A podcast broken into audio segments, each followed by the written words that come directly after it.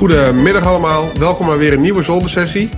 Vandaag in de uh, zoldersessie Dave Maasland. Dave, welkom. Hey Rick, goedemiddag. Hey. Hi man. Leuk dat je, leuk dat je mee wil doen, hartstikke bedankt alvast. Ja, tuurlijk. Bedankt dat ik. Ja, nee, tuurlijk. we, uiteindelijk uh, uh, hebben we een lijstje met allemaal mensen die we graag willen, willen spreken. En ja, jij stond ook... Ja, sowieso. Oh, sowieso. Yeah. Ik heb...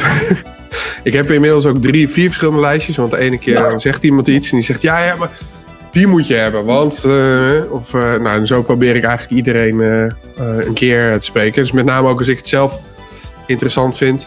Nee. je hebt ook, als je ook kijkt naar gasten die Erik uitnodigt en de gasten die ik uitnodig, is weer anders. Waar zit dat. Wat is voor jou dat verschil?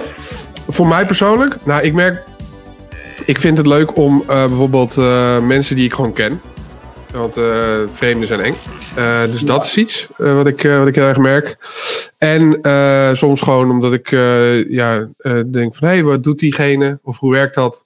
En, en dat heb, heb, ik meer. en ik, ik denk dat Erik dat ook heeft. Alleen, die, kijk gewoon, die spreekt hele andere mensen. Ja. dus dat is wel leuk juist.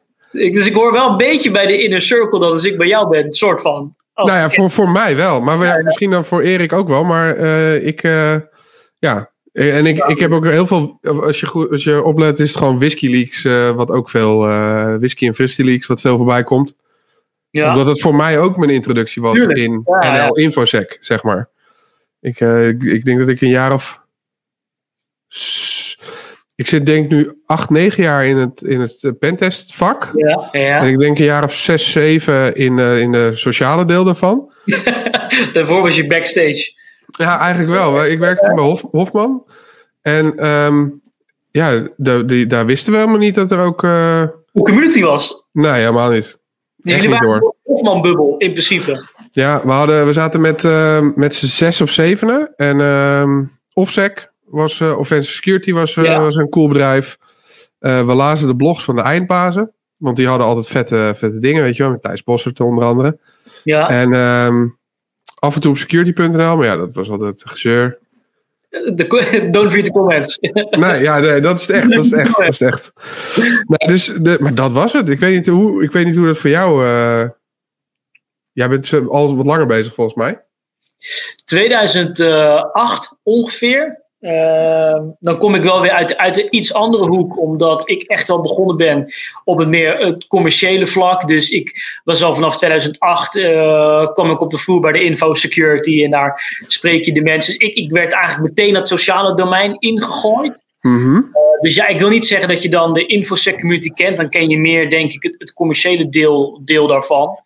En ik, ik denk dat ik pas echt ben gaan zien van oké, okay, wat zijn nou de mensen waar je, waar je echt wat kan halen, is op een gegeven moment toen ik wat vaker naar NCSC One ben gegaan en toen echt 2015, 16 Industroyer er kwam, uh, uitvallen energiecentrale Oekraïne en security echt wel op meerdere vlakken echt tractie begon te krijgen, dat, dat de deuren soort van open gingen. Van hey, hier zijn de mensen die echt weten waar ze het over hebben. Dus dat is wel uh, interessant. Typisch hè? Ja. Ja, want die community, die was er al wel. Want ik heb bijvoorbeeld um, een tijdje geleden dan hadden we Stan Hecht en Thijs Bossert uh, te gast. Oh ja, ja. En die hadden het heel erg over allemaal uh, zines en zo die ik moest lezen. Dus ik, heb, ja. ik ben ook teruggegaan. Ik heb ook echt die, een paar van die dingen gelezen. En uh, er, wa er, waren gewoon allemaal mensen, joh. Die computerden. en, en security, maar nooit wat van meegekregen. Misschien zijn we toch wel ja, ik weet niet of we de nieuwe generatie zijn. Dat, zo wil ik ons helemaal niet bestempelen. Maar we zijn denk ik wel een iets andere generatie. En wat ik ook wel hoor is dat van de mensen die al echt wat langer in infosec zitten, dat ze hadden gewild dat de community er was zoals die nu is. En natuurlijk wordt ja. ook wel wat negatiefs gezegd, maar er is natuurlijk ja. wel een hele gave, hechte community. Als, zoals ik er nu in ieder geval in sta. Nou, wat ik zelf heel erg merk hieraan is dat je. Uh, ik weet nog dat ik. Uh, uh, mijn tante werkte bij VNU Media. En uh, die kreeg alle tijdschriften thuis. Dus ook de uh, computer-ID. Dus ik kreeg alle computer-ID's, zeg maar. Ja, ja. En ik weet nog dat ik bij zat te lezen. En toen had ik op een gegeven moment iets over hacken gelezen. En toen dacht ik, dat wil ik ook. Weet je wel? Dit ja. ga ik doen. Dus nou, dan ga ik googlen. En dan kom je eigenlijk twee dingen tegen. Uh, via, ja, malware voor jezelf. Want dan denk je dat je een hacktool hebt gedownload en uh, ben je geïnfect.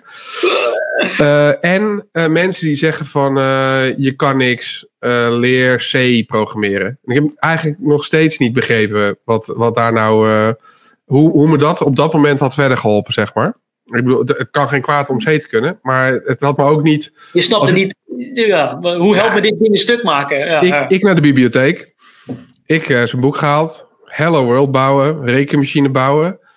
En toen dacht ik, ja, oké, en nu? Weet je wel? Ja. Ja, ja, ik snap de C ook nog steeds niet hoor. Dus het, het was gewoon overtikken.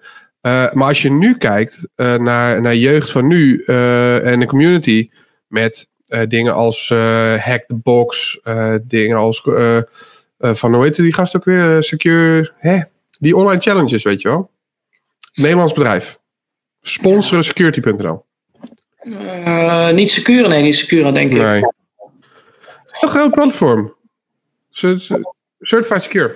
Oh, ja, ja, ja, ja. Altijd banners. Ja, exact, ja, ja. Ja, kijk, hier, Tom weet het. Oh, ja, Tom weet het wel gewoon. Tom weet het. Ja, ja, maar precies, weet je, Certified Secure, uh, dat is... Uh, de eerste challenges zijn misschien niet zo ingewikkeld, maar je leert er precies van wat je moet leren. En, ja. en dus, dus dat, en, en, het delen is gewoon veel groter geworden. Voorheen was alles private.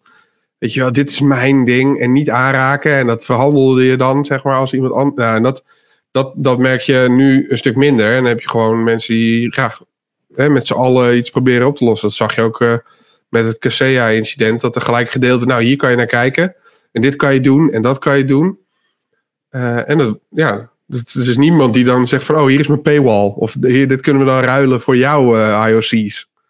Nou, maar ik denk dat dat wel fundamenteel veranderd is. En wat ik wel gaaf vind, is dat die laag in organisaties. En ik merk dat ook heel erg om me heen bij ons, ons technisch team. Dat natuurlijk, ze hebben een hart voor e-set en wat wij doen. Maar in die end vinden ze onderdeel van de community zijn belangrijker. Dus zij zijn niet bezig met uh, uh, het, het, Intel bijhouden, want daar kunnen we geld mee verdienen. Of anders, zij zijn bezig met, joh, ik vind het vet als ik met een klant security team kan praten of wat dan ook. Dus ik, ik denk ook dat we concurreren niet op security, wat natuurlijk bij de banken al sinds dag één hun, hun, hun mantra is. Yeah. Dat dat nu steeds meer door de van, joh, we hebben maar een x mensen aan security mensen, laat ze alsjeblieft met elkaar kletsen. Ja, ja, ja, nou, daar had ik letterlijk net nog over uh, met, uh, met Erik. Uh, dat, dat er gewoon ook geen mensen te krijgen zijn. Eigenlijk. Als je nu nadenkt van wie zijn er allemaal goed in, in hun vak. zeker waar het gaat om defenders. Zeg maar aanvallers. Een of andere manier hip. Dus dan wil iedereen dat doen. Maar verdedigen. Ja, ik, ja, ik vind dat niet, maar goed.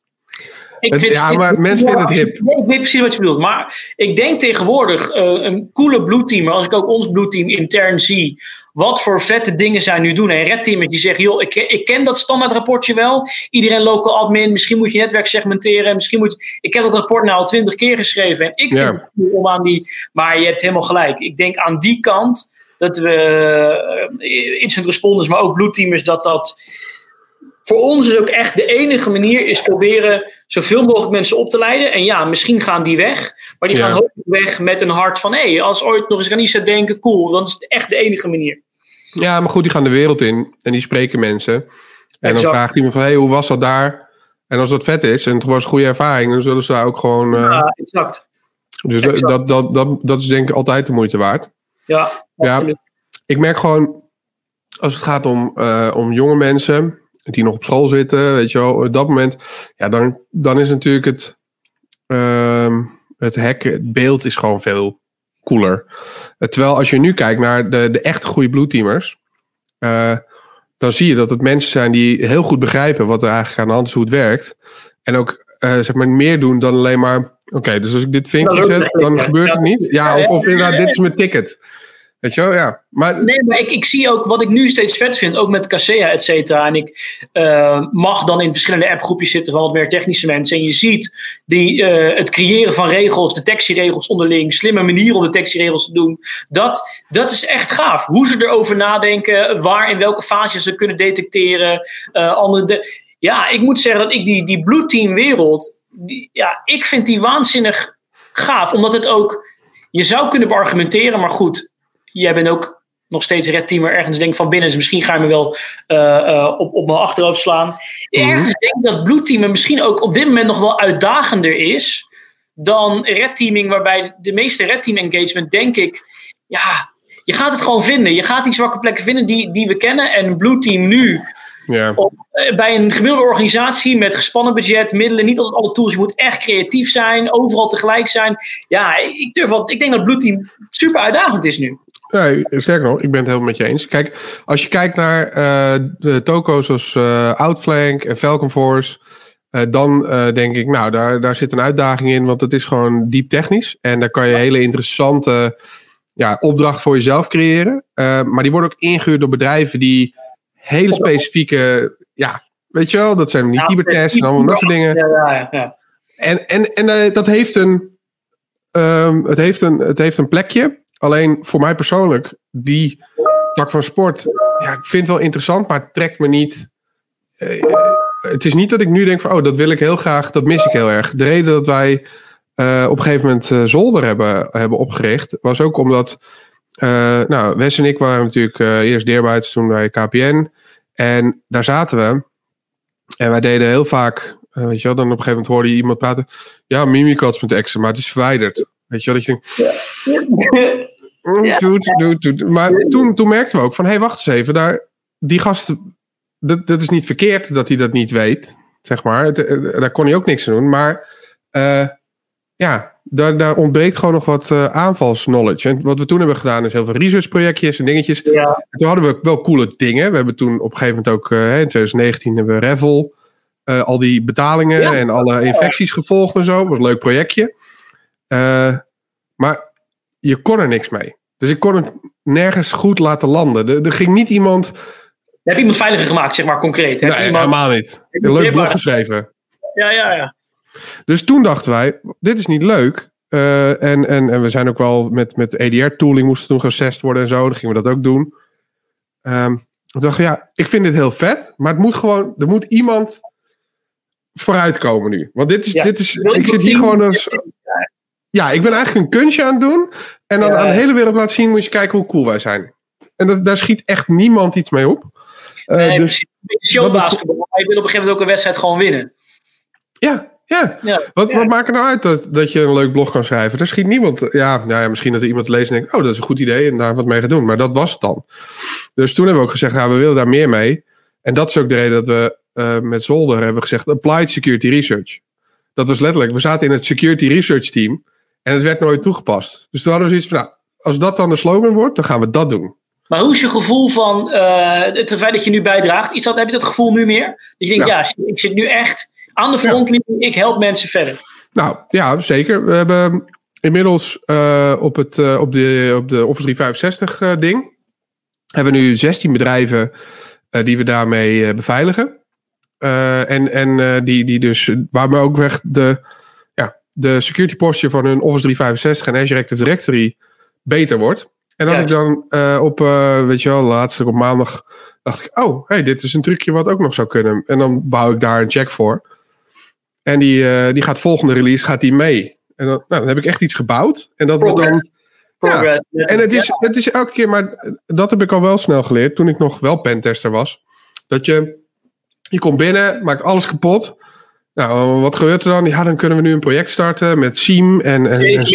Ja, ja, ja, ja. En jij zegt, joh, weet je wat, misschien moet je volgende keer rode systemen patchen, dan zijn we klaar. Ja. Ja, ja of, of in ieder geval, maak niet zo'n plan wat, wat 100 miljoen kost en afgeschoten gaat worden door directie. Begin gewoon. Begin ergens. Het maakt niet uit, joh. Weet je wel, er is toch te veel om te fixen. Alles kan gehackt worden. Begin maar ergens. Maakt niet uit wat je doet. Alles is beter dan wat je nu hebt. En ehm, ja, ik heb zoiets van als je dat blijft doen, dan, dan wordt het alleen maar beter. Dus ik, dat vind ik, daarom vind ik op dit moment eh, het blauwe deel ervan veel interessanter. Omdat ik gewoon die kennis veel beter kwijt kan nu. En er meer output van heb dan alleen een rapportje. En iemand die denkt, kut, moet ik allemaal gaan fixen. Ja, het is duurzaam. Het is duurzaam platform waar, eh, als wij dat ook een discussie hebben, ja, wat is nou de KPI van security? Nou ja, ik, ik heb ook steeds vaker het gevoel, ook in presentaties, dat ik maar probeer te vertellen van, joh, focus gewoon op de vooruitgang. Als je nu vooruitgang boekt, al is het heel klein, maar bepaalde dingen zijn beter, bepaalde risico's minimaliseer je, of bepaalde stappen. Joh, als er vooruitgang zit in je security programma, dan ben ik nu eigenlijk al blij. Dan zeg ik, joh, hey, je maakt, Ja, wat goed. dus ja, ja dat, en dat is denk ik ook voor, voor zoals jullie nu, eh, als ik jullie nog wel überhaupt een start-up mag noemen, je bent misschien al, al. Maar als start-up focussen jullie denk ik ook op dashboarding inzicht. En dat iemand ook het gevoel heeft, hé, hey, ik maak stappen. Ik kan dingen... Dat, en het is geautomatiseerd. Het is schaalbaar. Ik bedoel, aanval is schaalbaar. Uh, verdediging is nog niet altijd schaalbaar. Dus dat is ook denk ik wat. Uh, ja, ik hou wel van het En gewoon het begin gewoon verhaal, daar, daar hou ik wel van. Ja, nou ja, maar dat, het, is ook. We zijn ook altijd veel te moeilijk met al die, al die plannen. En uh, dat is ook met alles wordt trouwens binnen veel grote bedrijven ook. Dat er heel veel plannen zijn altijd. En dan soms had je door gewoon te beginnen al meer winst geboekt. Ik ken, ik ken hele bedrijven waar gewoon security strategy afdelingen zitten, die gewoon PowerPoints maken en daar heel veel geld voor vragen om in een diagram in PowerPoint te zeggen hoe het op papier zou moeten werken. Echt? ja, echt. Ja, de security strategy afdelingen. Die, ja, dat, ja. Wat, is, wat betekent het eigenlijk? Wat doen die dan? Uh, security strategieën op papier ontwikkelen. Dus dan tekenen ze zo'n diagram waar dan het, het, het, SOC in het midden zit, of het NOC, of de IT-engineers die dan, en dan de workflows, communicatielijnen, play. Ik snap, want soms zie ik met het model, denk ik, ja, uh, triads, hoe het allemaal moet werken, allemaal prachtig. Ja. Alleen de meeste organisaties waar wij nu over spreken, en dat vind ik altijd wel interessant, ook als ik met andere landen van ISET spreek, zeker de US, gasten ja. bij ons, ja, die denken dat hier elk bedrijf een security team heeft. En dan zeggen wij tegen ze, joh, ja. Die is misschien een, een, een top 0,001% die serieus security engineers heeft. De rest doet enorm zijn best met een IT-team. En we hebben geen, ja. geen bedrijven met security teams hier. In Amerika, ja, een beetje bedrijven, of in ieder geval, er zijn daar veel meer bedrijven met security teams. Ja, maar volgens mij uh, is de betekenis van uh, small medium enterprise uh, is, is in Amerika totaal iets anders dan, dan wat wij hebben, zeg maar. Dat klopt, ja. Dat klopt. Kijk, het werkt allemaal, alles is relatief. Wij doen ook heel veel, steeds meer op de Caribische eilanden. Um, enerzijds, het is ook gewoon leuk om daar iets te doen, maar er is gewoon er wat aan de hand daar. Er is zo weinig kennis op de ABC-eilanden. Er zijn een aantal andere uitdagingen die ze hebben. Ja, en daar, als je daar met 50 man bent, ben je ook alweer groot. Dus ja. het is ook allemaal anders. Maar ik denk wel dat we ja, het, het, de illusie dat er bedrijven zijn die echt serieuze security teams hebben zitten. En daarom vind ik het dan goed. En moeten we misschien stoppen met de verkapte uh, zolderpush, want daar doe ik het niet voor. Maar uh, geautomatiseerde platformen, simpeler ja. maken. Dat is gewoon wat er nodig is. Het moet allemaal gewoon simpeler. Ja, ik denk, ik denk wel. Wat ik, ik had toevallig vanmorgen met, uh, met Wesley over. Um, dat we met z'n allen um, er is voldoende plek voor de, de EZNL, de Foxen, de, de Deloitte's en de Tesorions en de Secura's van deze wereld. Daar, daar is, weet je wel, en, en als. Weet je, dat, dat gaat wel goed. En die, die kunnen gewoon uh, heel veel business draaien. En dat is allemaal handjeswerk uh, en, en een deel automatiseren. Maar dat gaat om verschrikkelijk veel geld ook. Maar als je kijkt dat het merendeel van het bedrijfsleven is gewoon hartstikke klein. Ja. En die hebben hoogstens een IT-leverancier. Eén gast waarschijnlijk. Voor, voor uh, x euro per maand levert hij gewoon x computers. Um, en eigenlijk zou je een deel van je security daarheen willen, willen, willen brengen. Waarbij de IT-afdeling de standaard dingen doet. En de echte coole dingen, de complexe zaken, die kunnen daarna opgepakt gaan worden door, door, door, dat, door de andere bedrijven, zeg maar. Maar niemand, ja, ik... weet je wel, een, een klein bedrijfje met 20 man gaat geen Deloitte inhuren. Ik, eh, maar ik geloof wel dat dit the way to go is. Want ik zie ook dat de MSP-markt uh, of de IT-dienstverlenermarkt, die hebben zelf ook moeite van: oké, okay, gaan wij zelf echt security dienstverlener worden? Gaan we, gaan we wat doen? En wat jij nu zegt, um, ik denk dat IT-dienstverleners waanzinnig goed op dat fundament kunnen focussen. Ze zeggen, joh, ze kletsen met jullie, vulnerability management kunnen ze wel oppakken, patch management. Ja. Echt, hey, wij houden die hygiëne goed. Maar dan zit er een partij achter die een stukje monitoring, uh, detectie en respons, whatever. En die combinatie, joh, security is een specialisme. Maar de IT-partij die doet wel even step up zijn game met de fundamentals. Ik wil het geen basisdingen noemen, vind ik altijd inderdaad, ja, ik vind basis. Ja, okay, ja. Beter woord. Uh, uh, ja, en uh, nou, ik zie Danny zegt dat ja, MKB-markt heeft amper wat. Ik weet niet of Danny bedoelt in de zin van ze hebben amper wat in de zin van te halen of ze hebben amper iets. Maar nee, ze hebben amper. En, die, en ik kan het ze niet kwalijk nemen. Die willen gewoon ondernemen. Die zijn mooie broden aan het maken. Die zijn uh, mooie accountantsrapportages aan het maken. En die, het is ook niet. Ik snap wel dat wij soms in de community het allemaal een beetje stom vinden. En mensen snappen het allemaal niet. Hangen kasseerrecht aan het internet. Maar ik geloof niet dat die MKB-clubs kwade intenties hebben. Die, die weten gewoon oprecht even niet wat ze aan het doen zijn op dit gebied. Jo, maar er is toch ook, er is niet te betalen ook, hè? Ik bedoel. Ah ja, nee, ik snap dat. Ja, Danny, ja, Danny heeft helemaal gelijk. Ja, ik denk die MKB-markt, de, de, de nieuwe frontier, dat als je daar uh, nu met schaalbare, simpele, geautomatiseerde oplossingen komt. Ja. Uh, en dat zo'n MKB'er ook denkt, hey, ik maak stappen joh. Het was vorige maand was het groen. Ik had misschien twintig zo aan incident, nu dit. Ik, uh, dat is fantastisch joh. Ja, nou ik ben het helemaal met je eens. Dat is, dat is, um, ik denk dat als we dat voor elkaar hebben, dan hebben we ook, ook in die andere bedrijven, die er wat complexere dingen willen doen, um, hebben we dan ook meer ruimte voor, voor coole, coole nieuwe dingen. Um, uh, alleen het is gewoon heel moeilijk, want het is uh, schaalbaar oplossen van dat soort problemen is gewoon best wel complex en, en je hebt heel veel verschillende dingetjes. Ja, dat zijn nog, uh, ja, ik denk een immense challenge voor, voor de industrie, maar ik denk wel dat het door alleen maar te zeggen, ja, we hebben meer security experts nodig, dat dat hem niet. exact. Ja, het zou fijn zijn hoor. Ik wil ook wel meer security experts, maar de IT-afdeling. Ik heb, nou oké, okay, ik heb met IT-afdelingen gewerkt. Die, die denken nog steeds dat dat ze overal hetzelfde wachtwoord kunnen gebruiken. En MFA is alleen voor, voor overheden. Ja. Uh, maar ik heb ook met IT-afdelingen gewerkt. Die gasten die wisten het beter dan ik. Ja, tuurlijk.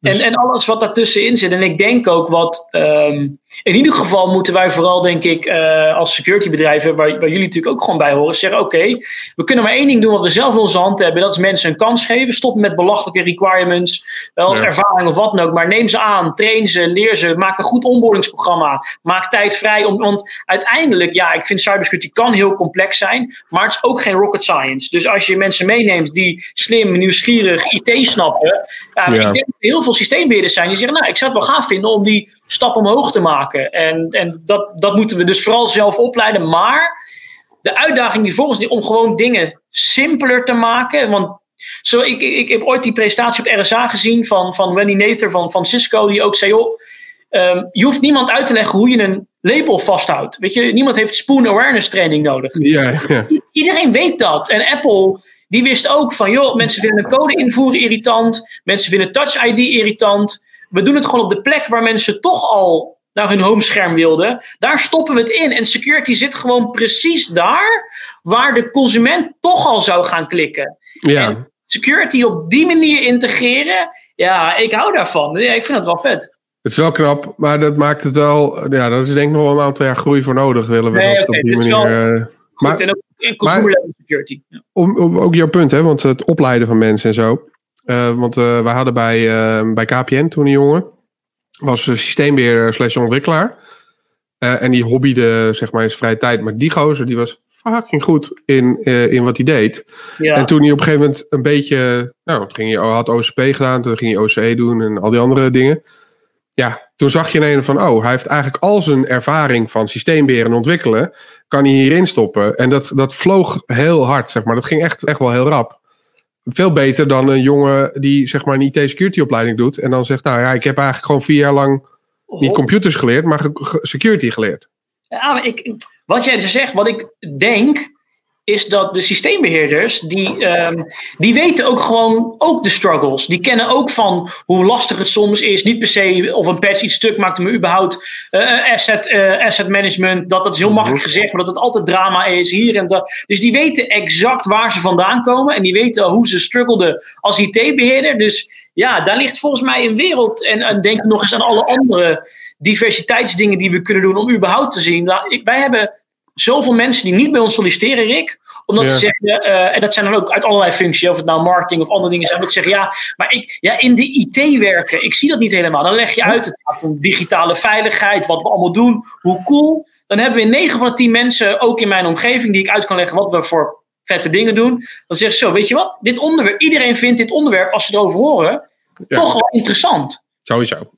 Dus, uh, wie, wie, dus we kunnen de, deze industrie denk ik ook nog veel toegankelijker maken voor een hele pool aan mensen. Die, uh, maar goed, het starten, wat jij zegt, ik denk IT-context is sowieso goed. Ja, nou, ik, ja, ik vind toch ook, want um, toen bij, bij KPN en bij Deerbuits, dan hadden we af en toe een jong iemand en dachten, die kan het gewoon, dat gaan we, gaan we regelen. Maar dat was dan wel altijd een, was serieuze investering. Uh, dan heb ik niet eens over het geld, want daar ging ik helemaal niet over. Ja, nee. Maar het was gewoon met mijn, mijn tijd, Wesley's tijd uh, en, en het rest van het team. Um, en ik merk toch dat ik. Uh, ja, we zijn nu voor onszelf begonnen. Dat ik denk, ja, ja, maar als er nu een extra pentester nodig is om wat voor reden dan ook, dan weet ik niet of ik nu de Uber Junior of, of een herintreder of zo, of iemand die switcht wil, wil laten binnenkomen. Want het moet nu wel werken, zeg maar. Ja, eens. En dat is.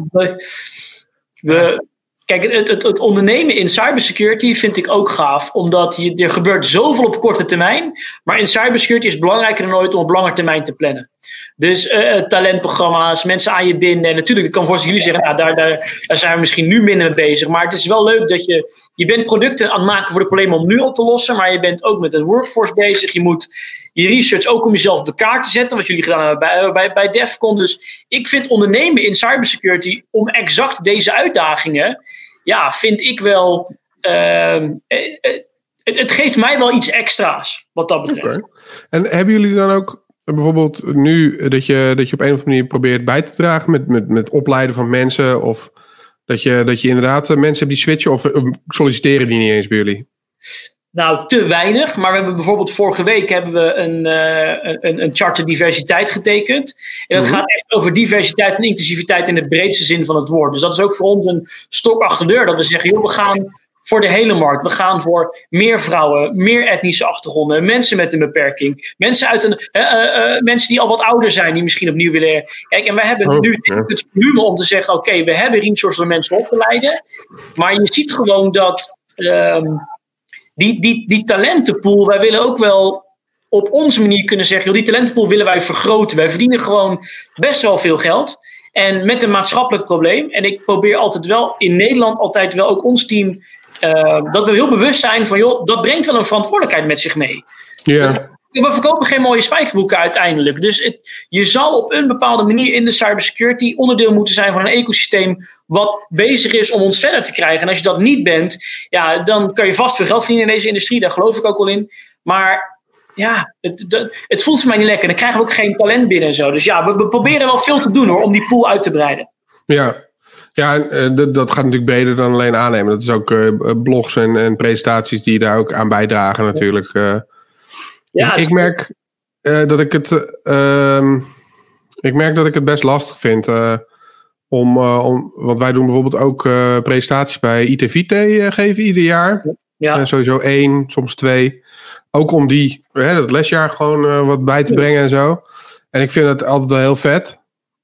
juist omdat het gewoon, het zijn mensen die, die, het, die, het leuk, die het onderwerp al leuk vinden. Dus dan heb je een enthousiast publiek. Ja, tuurlijk. ja, dat werkt goed. Maar ik merk ook dat ik dat zelf gewoon eh, in de communicatie best wel, eh, best wel moeilijk vind om daar uh, ja, dat, dat goed te doen. Ik had het al vroeger dat ik nog in een consultancy zat, zeg maar. dat je met mensen die, die dat ja, op een andere manier communiceren. En dan ja, kwam ik er zelf altijd heel moeilijk uit. Dus dat is, dat is denk ik ook iets wat je als skill moet hebben. Ja. Vergelijk, ik heb toen heel lang met Indiërs gewerkt. Ja. team in India. Dude, het is zo moeilijk.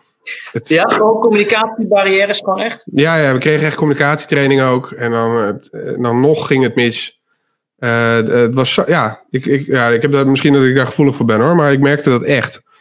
En dat, ja. Aan de andere kant, ik denk wel, kijk, wat ik van mezelf altijd wel vind.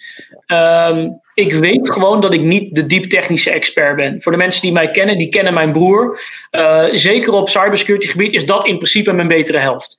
Die weet mhm. zoveel meer dan dat ik kan en doe. Um, wat ik op mijn manier probeer is te zeggen: oké, ik probeer uh, mijn communicatieskills in te zetten om een breder publiek te bereiken. Maar ik heb ook een grens van mensen en mijn, mijn authenticiteit. Als je, ik vergelijk je een beetje met mijn broer. Als jullie bij een klant aan tafel komen, die weten gewoon.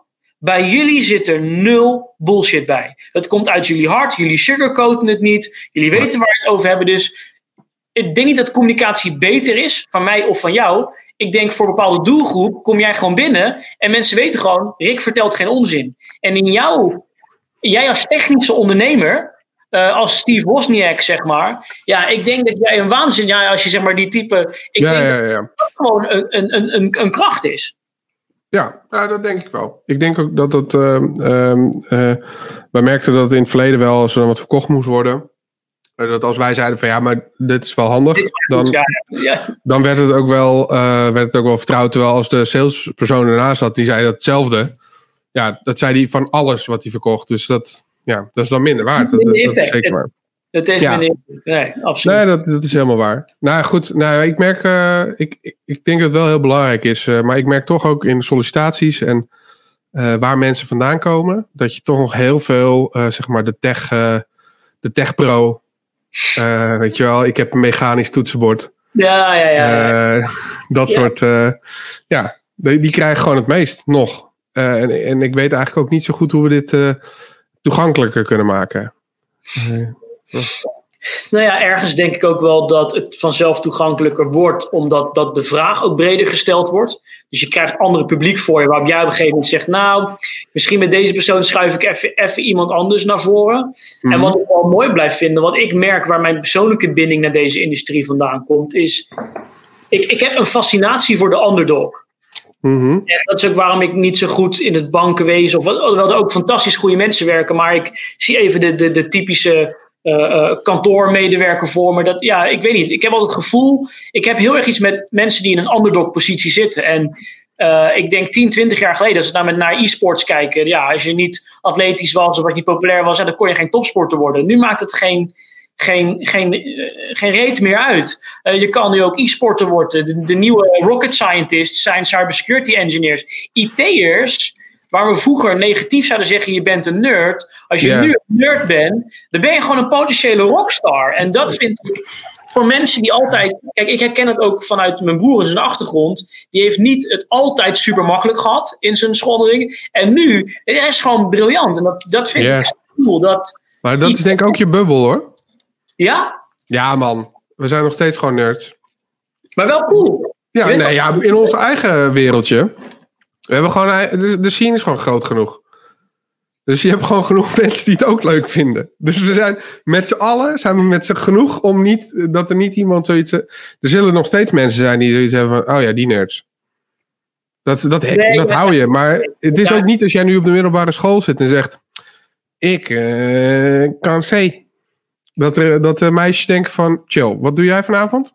Oké, maar, maar wat mij een goed gevoel geeft is dat je er liggen carrièreperspectieven, goede Wow. banen, mooi salaris, mooi huis. Weet je, die gaan, het gewoon, die gaan het gewoon halen. En ik hoop dat iedereen het haalt hoor, ook als je in een andere professie zit. Maar ik heb gewoon IT'ers voor mij en security mensen, ja, die, die omdat ze van eh, sommigen wat introverter zijn, die hebben zoveel interessante dingen te vertellen. Ik vind het ook heel Ja. gaaf om met, ja, in deze doelgroep rond te lopen. Mensen die meer nuance hebben, die luisteren. Die, ja, ik vind het wel gaaf. Maar er zijn ook heel veel coole verhalen in, eh, in, in IT-security. Omdat er ook altijd zulke spannende... Ja, weet je wel, wat heb jij gedaan voor het project? Oh ja, dit en dit. Maar dat, eh, dat is wel geheim, maar bla bla bla. Weet je wel, dat, dat zijn toch de vette stories. Oké, maar morgen bestaat de cybersecurity-industrie niet meer. In welke industrie zou je gaan werken? Oh, ehm, ik begin een broodjeszaak. Echt? Ja. Subway-achtig? Nee, nee, nee, nee.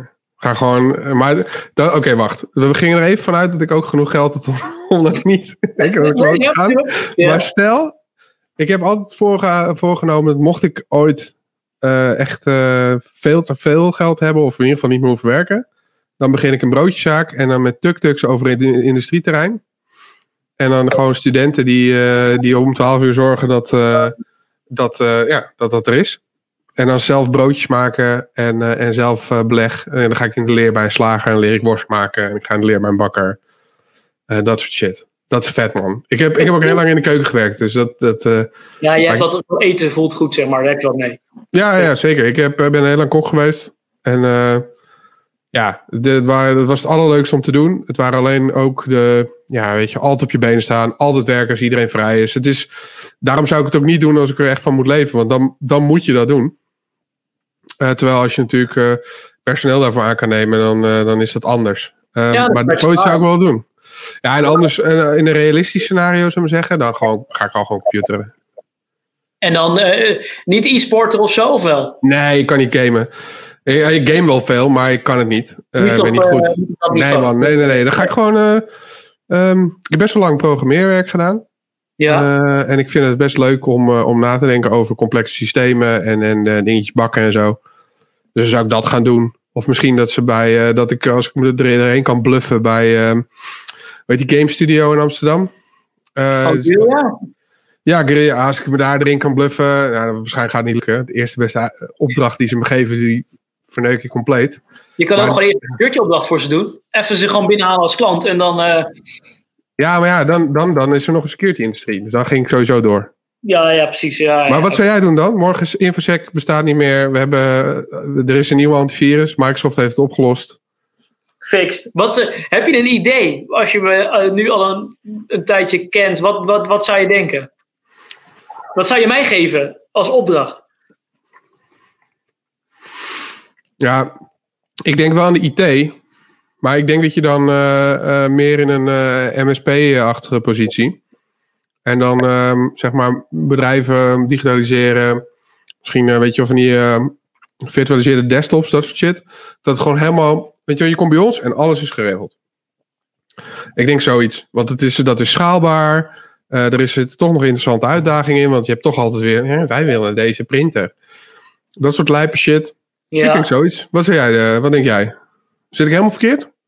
Nee, want ondernemen is iets wat ik gewoon waanzinnig leuk vind. Met name dat het te maken heeft met ehm, iets, ja, iets creëren. Ik probeer, proberen ergens iets aan bij te dragen. Ik zou alleen eh, veel meer toch wel aan de sociale kant zitten. Ik heb een enorm zwak voor, voor dieren.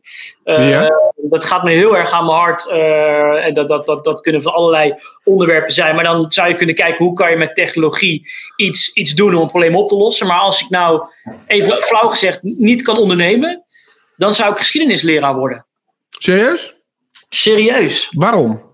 Ik heb ooit mijn eerste geschiedenisles, zal ik nooit vergeten. Meneer Van der Stoep, die, en ik, ik voelde dat zo meteen, die vertelde: een volk dat zijn geschiedenis niet kent, is gedoemd deze te herhalen. Eh, dus hij, hij zegt, joh, alles wat je in de toekomst gaat doen, is je zal toch moeten weten, want hij zegt, er is niks nieuws onder de zon. We hebben alles al een keer meegemaakt. Dus onze toekomst ligt in het verleden. En, die, en de verhaal, ik heb dat nu nog steeds met kastelen, ridders, ik vind het allemaal fantastisch. Mhm. En ik zou zo'n leraar willen zijn die dan op de tafel, ik ben al niet zo groot, maar dan zie je mijn benen zo bungelen op Ja. tafel zitten. En eh, ik zou dan verhalen vertellen dat die leerlingen gewoon 60 minuten lang zo zitten luisteren en die dan later zeggen, nou, vroeger had ik een geschiedenisleraar. Dat lijkt me Ja, fantastisch. je, iedereen heeft wel één of twee van dat soort leraren gehad in zijn leven. Die gewoon eh, die een, een goed verhaal hadden. Waar je, waar je interessant eh, mee kon. ja. De, en, en die ook. Dat vond ik, dat vind ik een skill. Ik weet, weet nu ook al. Ik zou het niet kunnen. Want die hebben een soort autoriteit. Maar die kunnen dan geinen. En als ze dan zeggen van ja, maar nu moet even. En dan heeft iedereen ook gewoon, oké, nu moet het even. En dat vond ik altijd zo knap. Eh, en ik weet ook dat ik van mezelf, dat heb ik niet. Want eh, dan, eh, dan bij mij zou het zijn de geinen. En dan. Je, nu, is, je- nu, nu is, ja, nu is het klaar. Nu, jongens, jongens. Nou, en dan, voor je het weet, sta je zelf helemaal schort schreeuwen. ja. Maar dat, dat is, dat is, ja, het is een, in ieder geval een mooi beroep, denk ik. Ik zou ik- het niet willen. Ik probeer nu ook in, in security, dat vind ik ook ehm, interessant althans. En soms sla ik de plank mis. En soms denk ik achteraf wel eens van nou, interessant om zoveel mogelijk naar andere branches en metaforen te kijken. Van joh, zijn er dingen niet al lang opgelost? Kunnen we niet... Je hebt nu die hele discussie ook van, van ransomware, bendes, eh maffia. En ik, ik snap die ver, ik voel hem ook wel. Alleen ik, ik heb een beetje moeite met het gevoel dat cybercriminelen zijn super professioneel, et cetera. Nou, dat, dat zien we ook, we geloven dat wel. Maar het is niet alsof ze in, in de Apple campus zitten of zo strak in. Het zijn ook gewoon, als je nu ziet hoe dat bij een klop ransomware gaat. Dus ik, ik heb veel meer het gevoel van piraten. Je, die boeiden het ook niet wie er voor ze bij kwam. Ze schoten het kapot, ze wilden plunderen. Het maakte Ja. ze niet uit onder welke vlag je aan het varen was. Misschien Engeland op een gegeven moment toen ze daar al wat bang voor waren. En het waren gewoon schavuiten. Ze waren wel georganiseerd. Maar Ja. het, het zijn gewoon, eh, en, en dat vind ik echt interessant. Dus hoe kan je concepten proberen te vertalen? Ik, iedereen die wel eens de pech heeft gehad om in een presentatie van mij te zitten, dan, dan ja, probeer ik ook de natuur te betrekken en dieren en verdedigingsmiddelen. Kunnen we daar wat van? En dat vind ik wel vet. Storytelling in cybersecurity vind ik wel. En wat jullie, die karakters vind ik ook wel. Ja, jullie proberen het op een manier Ja, ook te brengen. dat zegt eh, Erik, eh Eriks kindje, eh, die, die karakters. Die heeft, die heeft er echt, echt voor ingezet. Ja, ja, die heeft ook al vanaf dag één dat met What Could Go Wrong. En die, die, die heeft zoiets van, we moeten op een of andere manier het makkelijker vertellen. Ja, Maar ik, ik, ja, ik, ik snap wel dat je, eh, dat je daarnaar kijkt. Ik, ik denk wel, Als je dan kijkt bijvoorbeeld naar die professionele ransomware gangs, ja, ze hebben inderdaad, uh, nou, dat die emotet rate, ik weet niet of je die, die, hoe dat eruit zag er niet uit, het was echt goor. Nee, maar denk, exact. Dus ja. in een of ander appartement waar gewoon ook de pizzadozen liggen en er zullen vast misschien 20, 30 van, dus het, het, is echt wel georganiseerd, maar het is gewoon, ja. Het, ziet er niet uit. En daar dat ik soms vaak denk, omdat, nou wat ik merk Rick, maar dat is misschien wat je ook omdat we soms in cybersecurity zo praten met elkaar en professioneel en georganiseerd. En het is niet de vraag of, maar wanneer. Dus onze bubbel creëert een gevoel bij bedrijven van nou, dit gaan we nooit winnen. Die gasten zijn zo goed. Nou, dus... Terwijl ik denk, joh, als we de narrative, veel mooi, ik weet niet wat het Nederlandse narratief, als we het verhaal anders draaien, veel die nou. gasten zijn gefocust, werken samen en hebben maar één doel. Maar verder, het, ze zijn niet mega bijzonder. We kunnen echt wel dingen doen om ons te verdedigen. Nou, kijk, weet je, ja, dat denk ik sowieso. Maar ook als je kijkt naar, um, hè, want we hebben natuurlijk heel vaak hebben we het dan over targeted ransomware. Uh, terwijl uh, het, het is zeg maar, je hebt een, een voorstadium, daar zitten de, de access brokers of de, hè, de gasten die RDP toegang verkopen of de, de credential, uh, de dingen die verkocht worden. kijk, dat is allemaal ongericht. Dat krijg jij, dat krijg ik, eh, dat krijgt de hele wereld. Iedereen wordt gescand en iedereen krijgt malware opgestuurd. En dan vervolgens heb je mensen die daarin gaan zitten grasduinen. En, en daaruit die, die waarde gaan creëren en, en gaan minen naar... hey, is dit niet een groot bedrijf? Of, of eigenlijk daar zoeken ze niet eens naar. Ja, Ze kijken gewoon, hey, dit is dit systeem. Uh, oh, dat is goed, want dat is Kaseya. Of uh, ik zie hier een Jira-server. Via daar heb je vaak... Het hangt gewoon af welk trucje heeft in het verleden een keer gewerkt. En dat trucje gaan ze gewoon continu herhalen. Uh, eigenlijk zouden het ook goede bug bounty hunters uh, zouden het zijn. Niet omdat ze goed bugs kunnen vinden, maar gewoon omdat dat, dat oneindige grinden, dat farmen, uh, dat zit er gewoon heel erg in. Echt lang kijken, rammen en dan heb je een keer. Het is waarschijnlijk, en heb ik al een artikel gelezen, voor mij was dat, is dat ook letterlijk de titel ergens, dat het is ook gewoon maar een saaie baan voor cybercriminelen. Ja, heel, dat, heel vaak, want dat, dat vind ik ook interessant. Ja, het lukt natuurlijk heel vaak wel, maar ze hebben vast ook dagen dat, dat het niet lukt, ze wel even net gepakt worden, ze niet die voethold hebben, het niet meer werkt. Ja bedrijf. Dus er zit, maar dat hele verhaal dat cybercriminelen een soort super nerds zijn die niet bij de NSA werken, maar aan de slechte kant zijn gegaan. Ehm, terwijl ik, ik denk dat dat grijze gebied van, van, van mensen die dat doen, in veel gevallen zal dat wel mee. En het, het, ik zie soms echt um, hulpeloosheid bij bedrijven. Bij CISO's die denken, ja, ja. Maar ja, we lopen toch altijd een stapje achter, we kunnen toch nooit winnen. En dan denk ik, ja, maar tegen de meeste adversaries hebben we en hebben jullie een prima, echt een prima kans. Ja, ja. Nou, toevallig had ik deze week ook een security officer zei, ja, maar het gaat toch niet lukken. dacht ik, hè? Ja. Wat is dit weer voor? Oké, nou neem dan zo'n verzekering en dan hopen dat ze nog eh, de, de, de ransom niet meer betalen en kan je nog door met je leven. Maar dat is wel een rare, ik vind het sowieso een rare inzicht, maar dat is misschien wel onze eigen schuld geweest inderdaad wat je zegt. Dat we dus gewoon te veel, maar ja, eigenlijk als je kijkt hè, dat als je nou naar die flow kijkt, Oké, dat laatste deel, dat is gespecialiseerd. Het zijn een soort ja, pentesters met goede pivot-ervaring, zullen we zeggen. Uh, daar zijn ze handig in. Daar wordt ook veel naar gevraagd in de, in de forumposts en zo. Maar dat voortraject is niet zo heel interessant. Dus, dus waar het gaat om, als je gewoon MFA hebt en je hebt geen gekke shit aan de buitenkant. Nou ja, is dan een uniek incident. Hè? Dat is meer, en, en dan word je geoond door je provider. Uh, want het is jouw leverancier die jou gepakt heeft, eh, via waar je gepakt wordt. Daar kan je niet zoveel aan doen.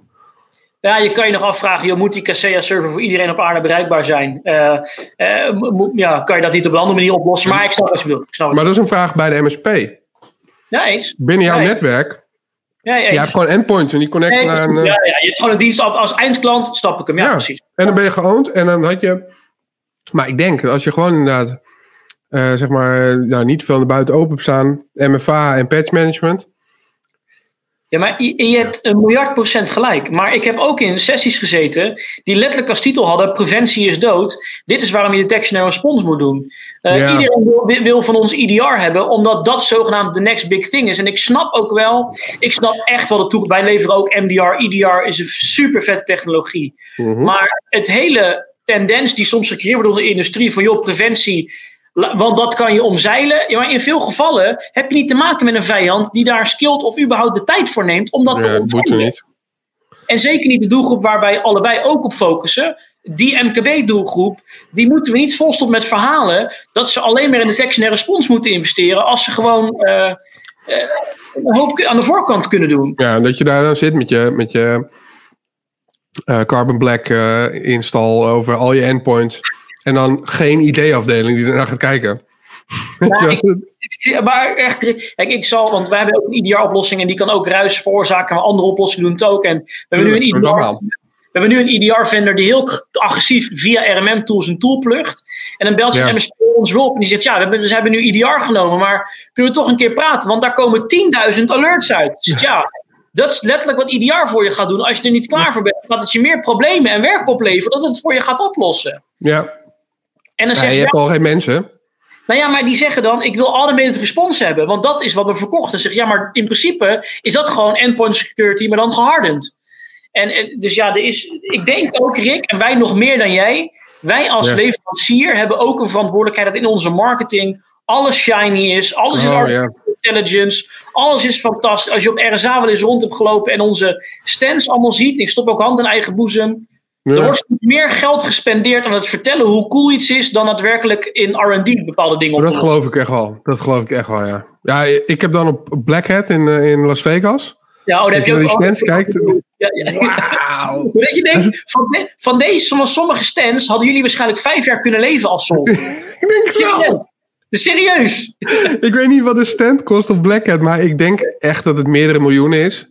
En ik weet zeker dat wij van meerdere miljoenen echt wel een paar jaar kunnen draaien. Ik denk wel, wel vier, vijf jaar. En wat voor product je zou kunnen bouwen van dat budget. Zo, zo ja, dat zou wel top zijn. Ja, maar dat gaat. Uh, ik heb, uh, want uh, bijvoorbeeld dan Dark Matter had dan een mega stand, weet je wel. En je dacht ook van, nou, degene die nu het hardst schreeuwen, die zijn volgens mij het minst relevant in deze industrie. Die zijn gewoon goede marketing aan het doen. En soms is het ook wel goed, want ik denk dat, dat, dat leveranciers die nu ook nieuw zijn gekomen of nieuwer zijn, dat, dat die wel een soort innovatiestrijd ontwikkelen. Maar wij hebben er al op stand gestaan waar mensen gewoon een eigen Street Fighter game hadden ontwikkeld. En dat je denkt, vet. wat heeft ja, ja, nee, precies, dat is, vet. ja, maar, zonder geld, maar wel vet. Ja, het is gewoon een hoop. Eh, en ik wil niet zeggen, want dat, dat de hele cybersecurity-industrie, want er werken zoveel super gepassioneerde mensen ook. Alleen Um, ik denk om soms door die marketing hype heen te komen en dan met, met een CISO te zeggen, joh, volgens mij gaat IDR een stapje te ver. En wat je eigenlijk wil is gewoon nog even investeren. Dat is ook, als ik wel eens een tip zou moeten geven aan bedrijven, zou ik zeggen, joh, bel je huidige vendor gewoon eens op. Rick, de keren dat wij een vendor vervangen hebben, of het nou McAfee of Symantec was, dan wilden ze iets van ons hebben, wat die partijen ook konden, maar die partijen hadden ze nooit gewoon goed geholpen om het uit te leggen. Ja, ja, ja, Als je je huidige vendor belt en zegt, joh, kom eens een health check doen. Kom eens gewoon eens kijken welke features gebruiken we nog niet. Komt een roadmap. Je kan zoveel dingen doen door meer uit je huidige oplossing te halen. Ja. Misschien gaan we niet in de e-set verkopen, maar ik, dat is gewoon echt zo. Ja, nee, maar dat, dat blijft hoor. Maar dat is ook. Um, daar, dat is weer die wens van, nou ja, ik wil gewoon dat het werkt. Het moet gewoon dus ik koop nu een nieuwe doos en dan is het allemaal opgelost. Juist. Zeg maar. Terwijl de tijd en effort steken in, oké, dit is wat we hebben en dit gaan we goed deployen, dat, dat is dan verschrikkelijk, weet je wel. Dat, uh, dat willen we niet, want daar heb je mensen voor nodig. Ja, mensen, dat is ook gewoon weer ruk. Mensen zijn gewoon heel uh, ja, duur en, en, en voor zo'n organisatie is het veel goeie, beter te verkopen om zeg maar, ja, ik heb voor drie ton een uh, doos gekocht, gekocht, met een oplossing en een dingetje. En er zit AI in en het doet automatic response en het heeft het heeft autonomous agents, dus die weten exact wat ze moeten doen. Ja, ja. ja. ik, ik moet zeggen, ik heb, die, uh, ik heb dan uh, geen, geen ervaring met, met AZ, maar wel met, met die Microsoft spullenboel. en ik heb tot nu toe een paar keer dingen dat ik op, op testbakken en zoiets had gedeployed. En af en toe dan, dan opeens zegt ja, ik heb nu automated response gedraaid. Ik dacht, waarom dan? Waar, wie bepaalt dit? Maar uh, had dan uh, tot nu toe zei ja, nee, nu is het fout. Of nu is het goed. En dan had hij, had hij toch gelijk. Dus dat vond ik dan wel weer leuk. Ik zou er niet op durven vertellen als het uh, in mijn productieomgeving was. Maar, maar dacht ik, oh, wauw. De, de computer heeft iets bepaald. Nou, maar ik denk ook dat de meeste endpoint security producten, zonder dat het nog EDR is, als je daar, wat jij zegt, als je daar een beetje liefde aan geeft en soms wat yeah, wel yeah. automated en goede policies en wij helpen soms ook klanten die zeggen, joh, uh, kunnen we automatisch een systeem isoleren of kunnen we voorkomen met een lokale firewall dat je van de ene laptop, dat je lateral movement bijna onmogelijk kan, een soort van microsegmentatie kan toepassen. Ja, je kan zoveel coole dingen doen, maar daar kom ik ook weer terug met hand in eigen boezem. Misschien moeten wij soms ook. Uh, communicatie is ook moeilijk in cybersecurity. Hoe communiceer je dingen simpel, maar dat wel mensen het gevoel hebben dat het. Dat, er moet ook een beetje sexyheid in zitten. Net, wij, wij hadden over Zolder, hadden het over de naam. En jullie hebben daar ook een best wel gave rebranding. Dat ja, je moet het toch ook even. Iets, ja, je brengt het op een manier dat mensen denken: hé, hey, maar dit, dit wil ik hebben. Ja, ja, nee, ja, je moet het toch ook, uh, het moet een beetje hebben. Dat, dat is wel. Maar ik denk ook dat je, um, wat, kijk, het instellen van die antivirus, of, of, of hips of whatever, uh, is natuurlijk minder schaalbaar dan het verkopen van uh, duizend licenties. True. Dus, dus de reden dat wij daar met z'n allen ons heel erg op gericht hebben, is gewoon omdat het ook, ja, het is gewoon relevant. Hè? De, we dus gewoon knaken maken voor onszelf. Uh, en, dan hebben we het niet over, ja, ook wij, Deerbuis draaiden op McAfee uh, spullenboel. Ja. Dus um, en dat was toen echt wel, uh, ja, gewoon een ding. Terwijl je toch niet altijd, ja, vanuit nou, perspectief vond ik het helemaal niet zo interessant, al die, al die spullen. Maar ja, daar draait het bedrijf op. Maar professional services is denk ik wel een tak waar echt groei zit. Waar, daar zitten echt mogelijkheden nu in. Als je goede professional service hebt met goede engineers, die ook lokaal de IT-partijen doen. En het hoeft allemaal niet uh, structureel of strip elkaar, maar gewoon als, als add-on is het Ja. ook leuke, eh leuke taak. En je helpt klanten er ook echt mee. Ah, ik denk ook, ehm, eh, op een gegeven moment, ik was toevallig eh, vorige week, was ik koffie doen bij, bij Falcon Force op kantoor. Die hadden een nieuw kantoor, dus ik was even kijken. En ehm, eh, toen hadden we het er ook over dat, ja, we hadden het over toekomst en dingen. En toen ging het op een gegeven moment over die, dat Office 365 gedoe van ons. En toen zei ik, ja, maar ik, ik wil eigenlijk ook wel iets doen met, met Endpoint. En dan, nou, sowieso het beveiligen en het instellen daarvan allemaal. Dat, dat, daar is, dat is heel goed schaalbaar te doen. Ehm, zeg maar ik zit ook wel, ik wil eigenlijk ook wel mensen hebben die gewoon, ja, een soort van eh, backup eh, kunnen bieden. Ja. Toen zei die gasten meteen van, ja, maar ja, dan zit je gelijk weer met veel mensen, bla bla bla. Ik zei, ja, ja, maar daar wil ik dan ook wel. Toen dacht ik, ja, het zou helemaal vet zijn als dat een los bedrijf kan zijn, die gewoon MSP's als, als backup kunnen, kunnen bieden. Eh, waarbij die MSP zelf met de tooling kan zeggen, nou, dit, zo moet het allemaal ingesteld zijn. Dit zijn de hardeningregels die we gaan toepassen, bla bla bla. En als het dan op een gegeven moment, hé, wat is dit? Dat er dan op de achter, achterkant een team kan zitten die zit te hunten.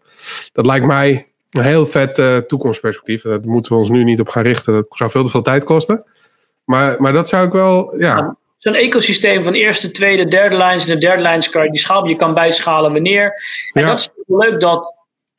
Ik denk dat we nog best wel aan het begin staan van heel veel dingen. Dat onze markt nog best wel onvolwassen is. Dus de groep mensen die nu bezig is, wij hebben ook de kans. Soms accepteren we dingen ook gewoon als het gevoel van zo is, zo is het. Terwijl wij zelf ook kunnen zeggen. Nou, we hebben best wel lang die discussie gehad. Volgens mij ook interessant, omdat jij daar ook jouw visie op hebt.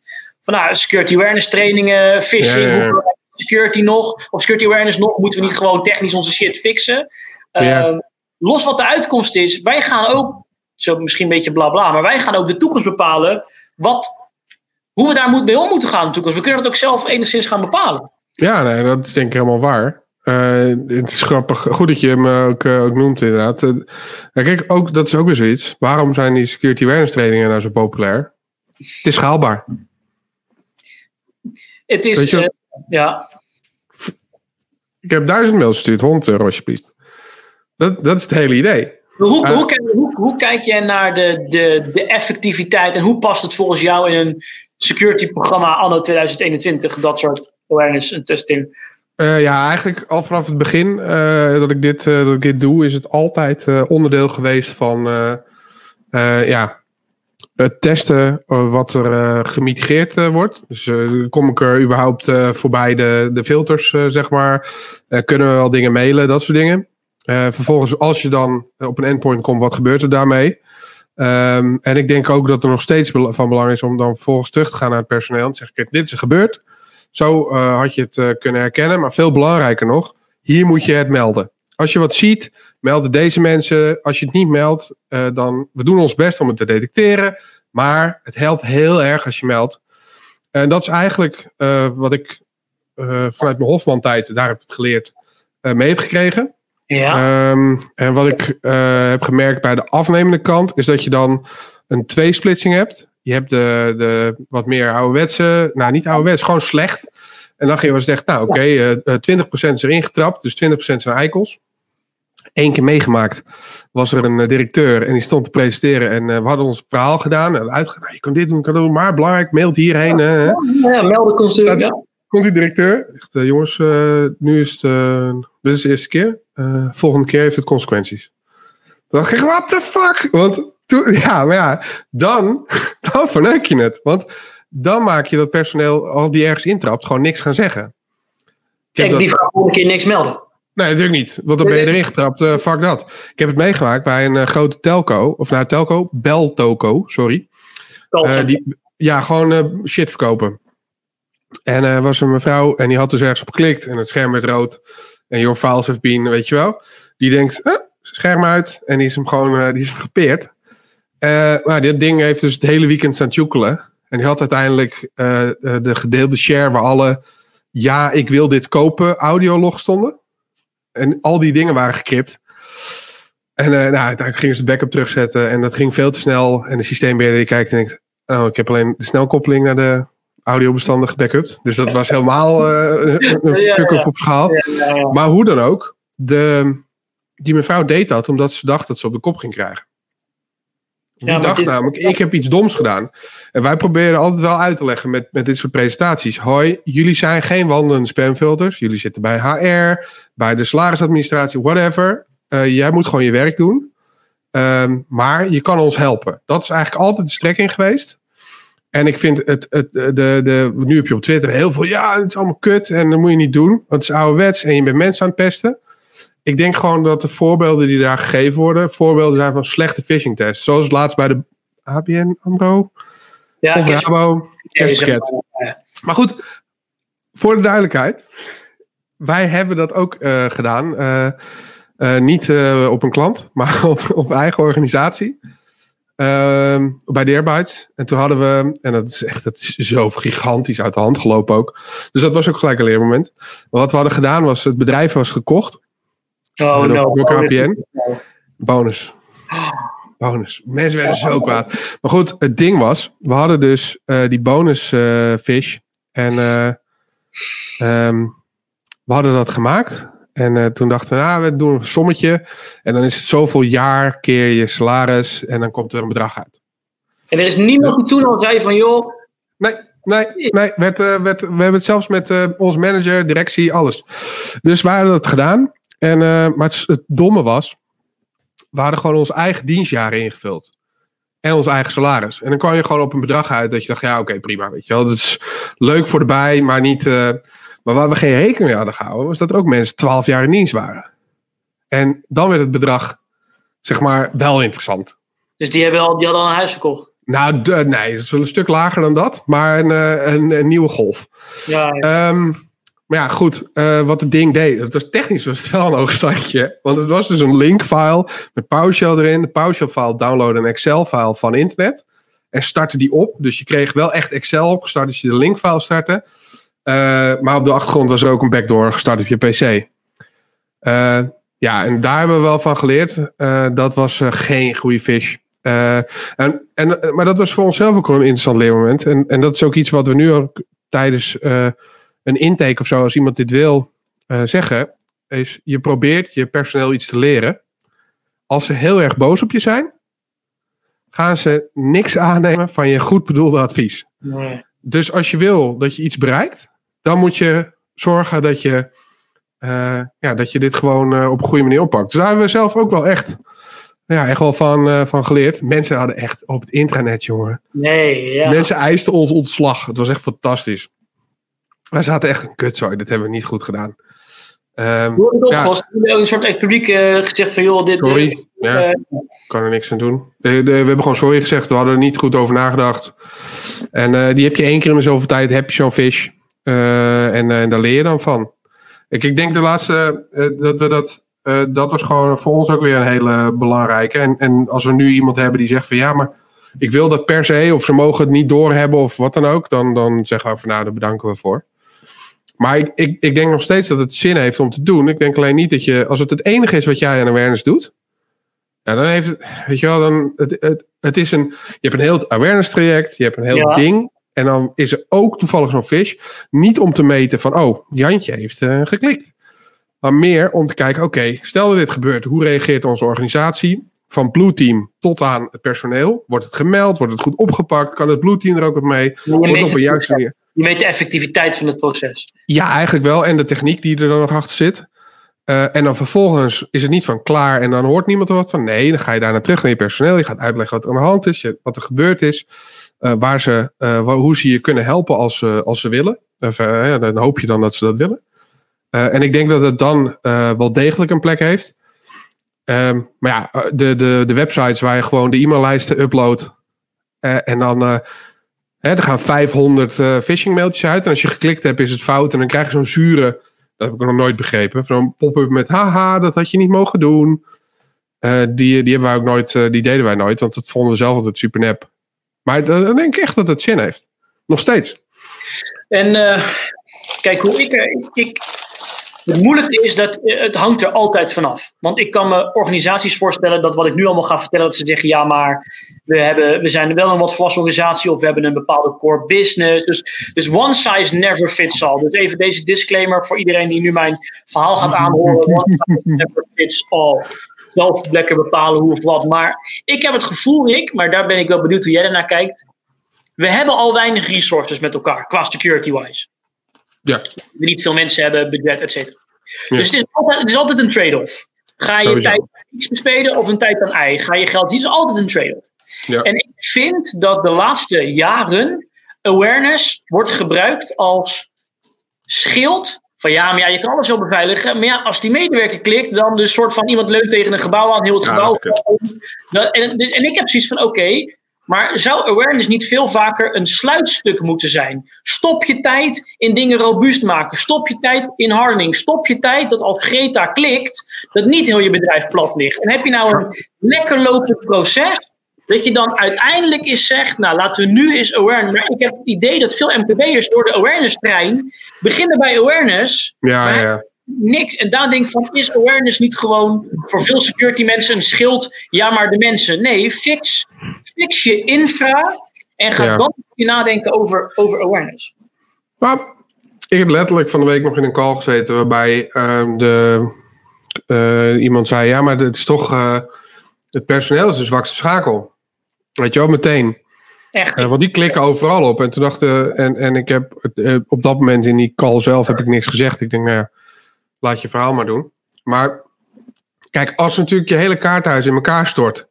omdat iemand bij de salarisadministratie een linkje heeft geklikt. dan is je Dan kaarthuis kapot. Ja, dat heeft niks te maken met die werknemer.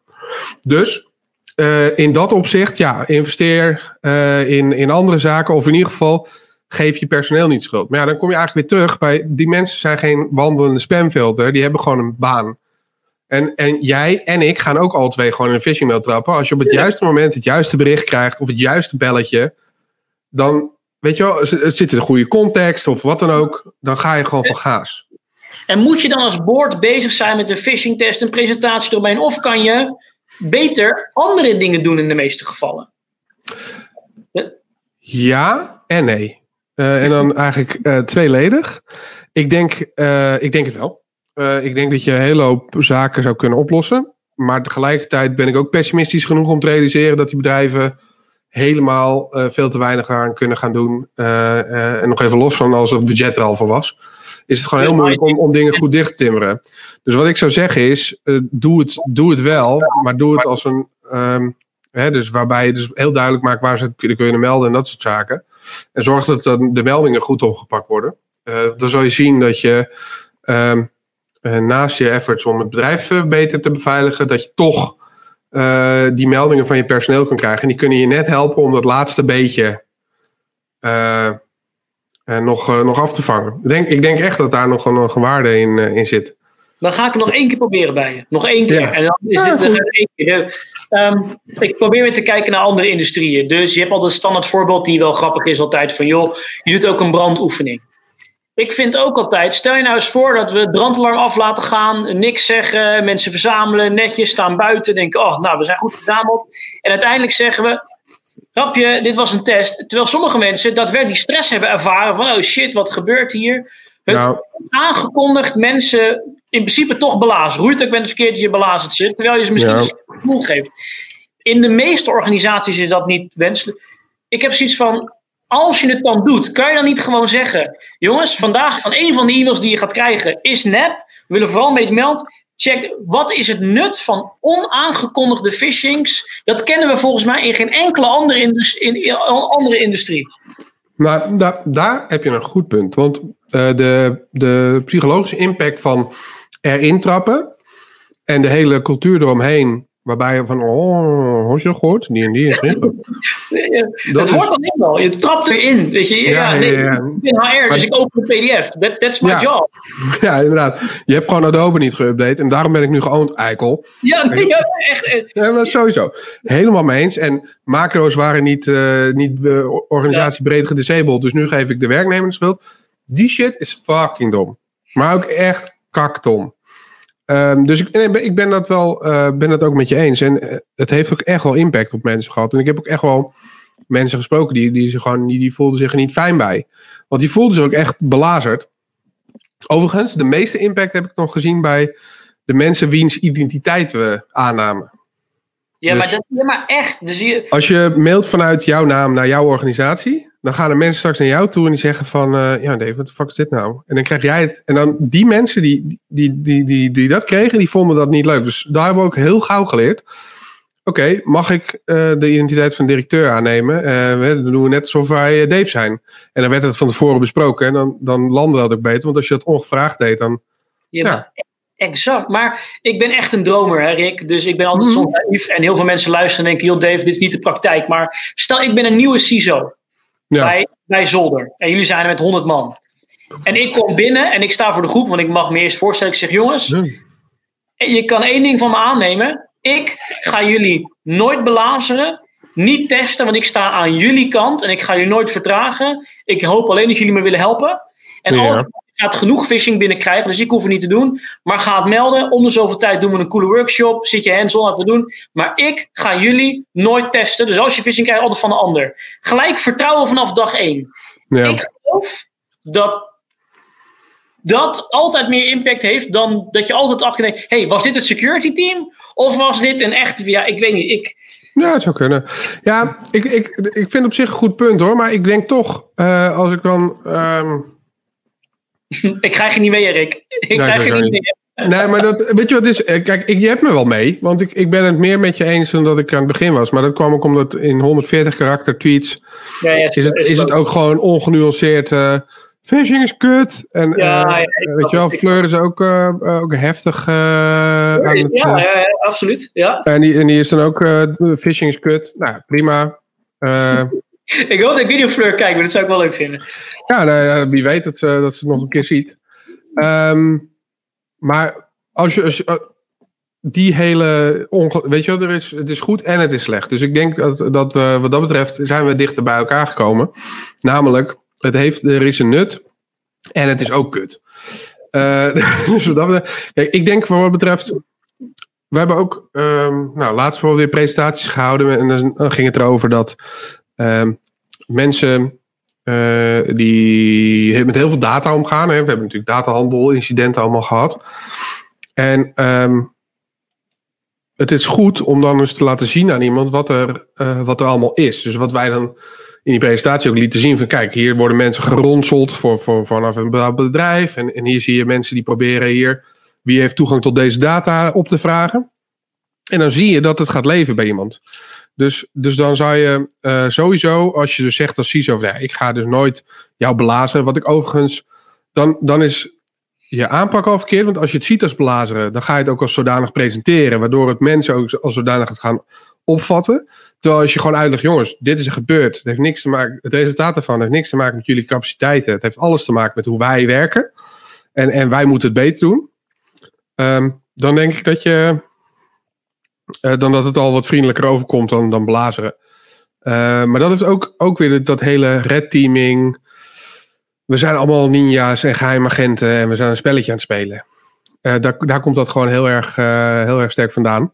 Ik ben overigens mijn punt volledig kwijt. Dus ik weet eigenlijk niet meer waar ik heen wou. Maar ik vond ik dat wel, dacht ik, ja, je, je, je ik... Ja, ik haalde gewoon twee dingen door elkaar. Bij, bij elkaar. Maar het ding is, ik denk dat het, dat het, het hele. We zijn een geheim agent aan het spelen. Dat een probleem is. Ook breder dan puur. Uh, de. Is dat het? Nee, nee, nee. nee. Maar um, uh, ja, wat ik heel vaak. Word ik, je kan me niet. Nou, je kan me wel kwaai krijgen. Het kwaai wat je me kan krijgen is dit doen. Jij bent toch pentester? Je wil je deze testen? Dan wil ik je altijd die pen in je ogen rammen. Maar uh, hoe je me even kwaad kan krijgen, is uh, van dat uh, mensen die dan zeggen: Ja, maar ga ik je niet vertellen, want dan, dan kan je me hacken. want dat, dat is dan altijd zo'n zo'n security officer van, van een jaar of zestig, weet je wel. Die heeft, die heeft de eerste muis in Nederland nog gezien. Maar. Um, die... hoeft niks met te maken te hebben. Ik zal de disclaimer maken. Maar... Oh ja, oké. Okay. Maar het zijn altijd oude mensen. maar. Um, ja, dan doe ik het toch. Nou ja, wat ik, wat ik eigenlijk bedoel te zeggen is dat uh, die, die hele instelling is gewoon een soort van geheim agent spelen en niet vertellen en dingen. Terwijl als je gewoon zegt, oké, dit is het, dit heb ik en wat kan ik hier aan verbeteren? En we maken er een collaborative effort van. Want de tijd die jij. Ja, nou ja, purple, ja, prima. En dan, dan zie ik het niet eens vanuit een uh, vanuit een ideologisch perspectief, maar letterlijk vanuit de euro's. Als je namelijk als uh, ik heb nu, uh, nou, dan weet ik veel. Ik heb nu een opdracht om, om iets uit te zoeken. Als je mij gewoon zoveel mogelijk vertelt over hoe het werkt. Dan kan ik je ook efficiënt mogelijk helpen. Ja, en mijn persoonlijke professionaliteit zorgt er wel voor dat ik dat vanuit een zo open mogelijke visie, dat ik niet te veel laat leiden. Want als jij zegt, ja, maar het kan alleen op deze manier, dan maak je niet druk, weet je wel. Ik zorg wel dat ik toch even deze blik hou. Ja, maar dit is out of scope. Maar dit is out of scope. ja, ja, dat zou kunnen. Nou, maar ik heb, ik heb opdrachten waarbij ik, nou, misschien wel, heb je vijf dagen om iets te testen. En dan ben je vier dagen bezig om te begrijpen, wat ben ik? Wat is het? Uh, weet je wel, wat, wat, wat ben ik nou aan het doen? En dan zeg je, ja, kun je me wat meer vertellen? Nee, nee ik ga het niet vertellen. Dude, weet je wel, is het, want want dan is het gewoon dat je, je, het moet wel een echte hacker zijn. Nee, want dat wil je helemaal niet. Je wil namelijk van mij gewoon weten, hoe kan ik mijn shit verbeteren? Maar, maar we zijn zoveel bezig met dat, daarom is red teaming nu ook geil. Weet je wel? Want, want dat zijn, oh, die, die doen een, en die komen gewoon binnen. Weet je? Nee, weet je, want ik, dat is wel leuk als je ook Mark Smeets uh, spreekt. Die zegt ook gewoon, ja man, als we van buiten niet inkomen, dan vragen we gewoon toegang tot een, uh, tot een werkstation. Ja. Weet je wel, geef ons maar een endpoint, geef maar een accountje. Ja, ja. Maar het is natuurlijk ook zonde om te zeggen: ik heb vier maanden lang heb ik aan de buitenkant staan rammen. Is niet gelukt, pik. Later. Dan heb je niks uitgezocht. Dan, dan is, dat is, terwijl zij zeggen: nou oké, let's go. Ga gewoon kijken, wat kan ik allemaal vinden? En vanuit verschillende perspectieven. Is het ook dan niet altijd dan weer terug te herleiden naar dat stukje kennis. Even los, ik onderschrijf wat je, ik, ik snap je persona wel, 60 jaar of vijf oud. Ja, ja, dat is, dat is flauw. Oudere security officers die, die nog in de mindset zitten van, joh, ik moet laten zien aan C-level of wie dan ook, dat het robuust is, dat het moeilijk is. Terwijl als er overal kennis zou zijn, zou iedereen weten, joh, het is meer een kwestie van dat ene wachtwoord of dat ene admin vinden die niet uitgelogd is of wat dan ook. Dus help gewoon zo snel mogelijk het te vinden, want dan, dan kan ik het weer helpen. Maar dus is het ook gewoon uiteindelijk niet dat op veel plekken gewoon te weinig mensen zitten met, die gewoon een beetje weten hoe het werkt. Want ik, ik weet wel, mijn, mijn, mijn broer, die heel erg aan de Rick van Duinkant zit, die ergert zich dood aan roundtables. Die ergert zich dood aan. aan, aan dan, dan, hij zegt het dan wat minder netjes, maar dan zitten er weer tien mannen aan tafel. Uh, te doen en te praten over. In plaats van dat ze nou eens een keer hun shit fixen. Dus... Ja, ja, die moet zich meer op een ademhaling focussen om niet te stikken. Dan dat ze ook echt wat kunnen zinnigs doen. Ja, ja nee, dat klopt. En ik, ik herken het ook wel. Maar ik weet niet of het kennis is. Ik denk gewoon dat het hele oude. Nou, oude. Ik denk dat het een probleem is dat. Uh, er ook heel vaak moet dan een security figuur moet zich een soort van bewijzen bij, bij de directie. Ja, dat. Van ja, wat is, waarom zit je hier? Wat is het nut? Weet je wel, jij bent zo'n. Ja, jij moet juist dan met details.